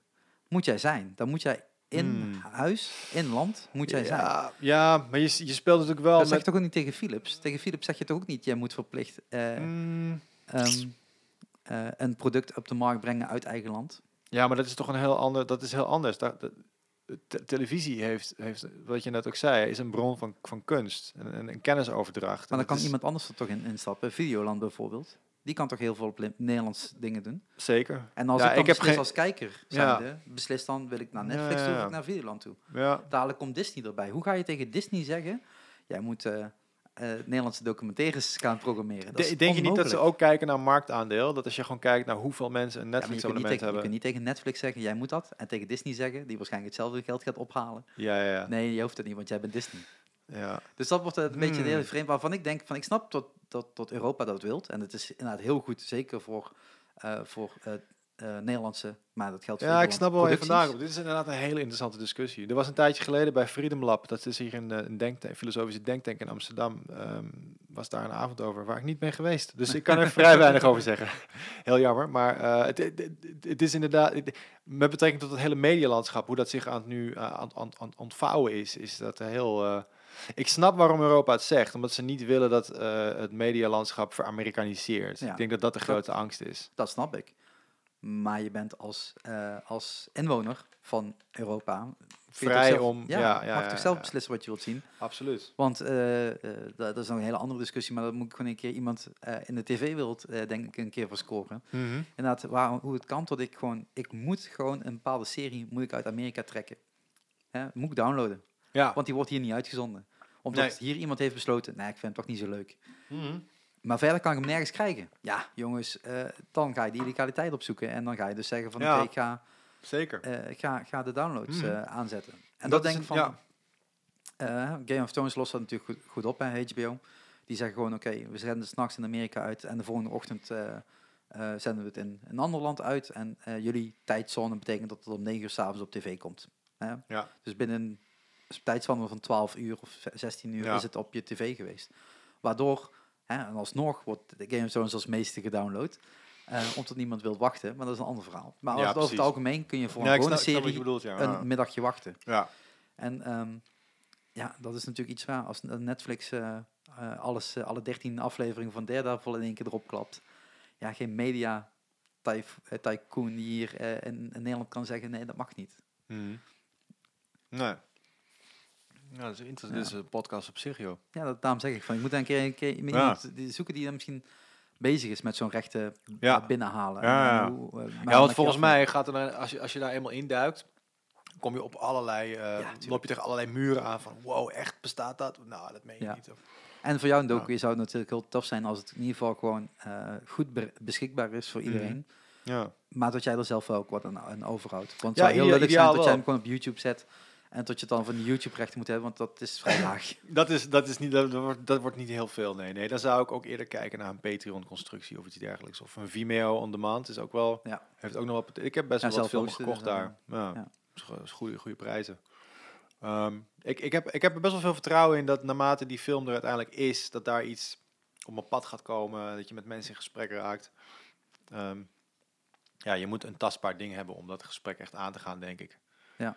Ja, of je moet het idee hebben hè, en, dan, en dan binnenlopen. Of je moet hem inderdaad kan en klaar Ja, afleveren. Ja, Ehm, precies. volgens mij heeft al een keer Theo Nabuurs, Mental Theo, daar een keer over gesproken. Mhm. Die inderdaad ook gewoon met kan en klare formats aankwam bij TMF en zei van nee jongens, dit kunnen we wel doen. Ja. Zo gaan we het financieren. Ja. Eh, ik ga het allemaal regelen voor jullie, dus het enige wat jullie moeten doen is met plek geven. Dat is ook niet zo raar. Mensen die in, in medialandschap werken, die hebben het ook heel druk. En die moet je ook gewoon snel weten te overtuigen. En als je nog niks gemaakt hebt, dan is dat gewoon lastiger. En dat is een beetje Ja. de positie waar ik in zat. Ja. Alles wat ik maakte was kort en voor het internet. En nu wilde ik ineens iets groots maken. En dan, ja, En dan is het allemaal eng en scary. En, je moet je ook ergens bewijzen of zo.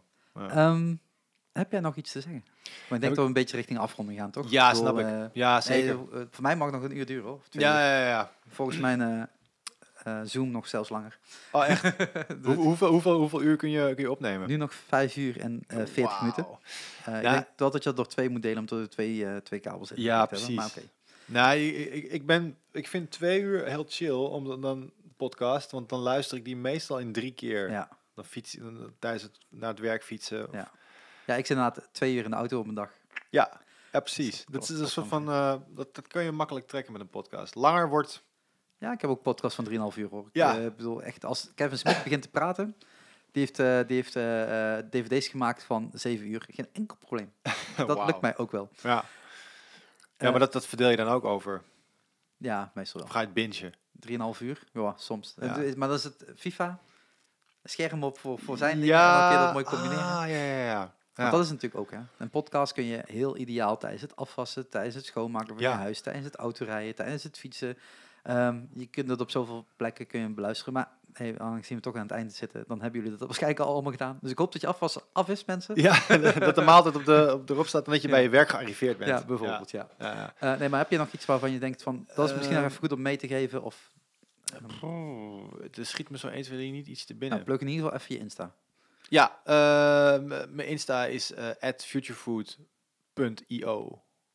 At futurefood.io. Ja. En dat is tevens ook de, de URL voor de website waar alles staat. Futurefood.io.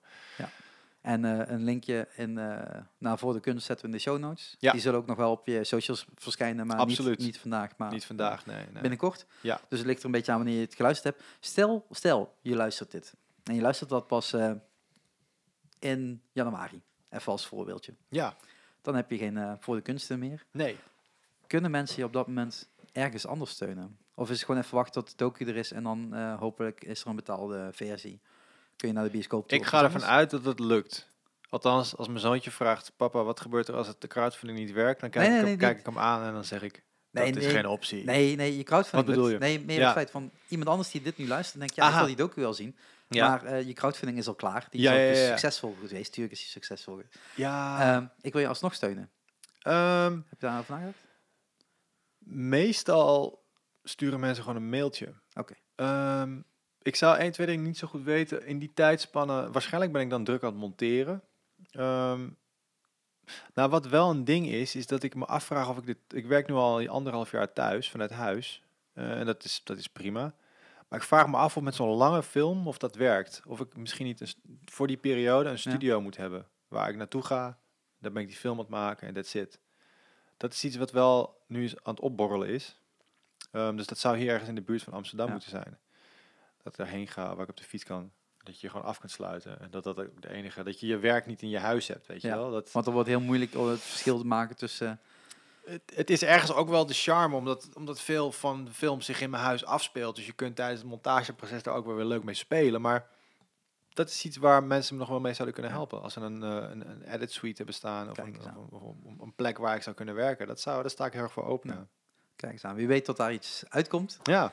Eh, ja, ik, eh, ik wens je alle succes daarmee. Dankjewel. Ik, eh, wat ik al zeg, ik steun je sowieso. De- als ik straks de link heb, dan, dan ga ik dat fixen. top.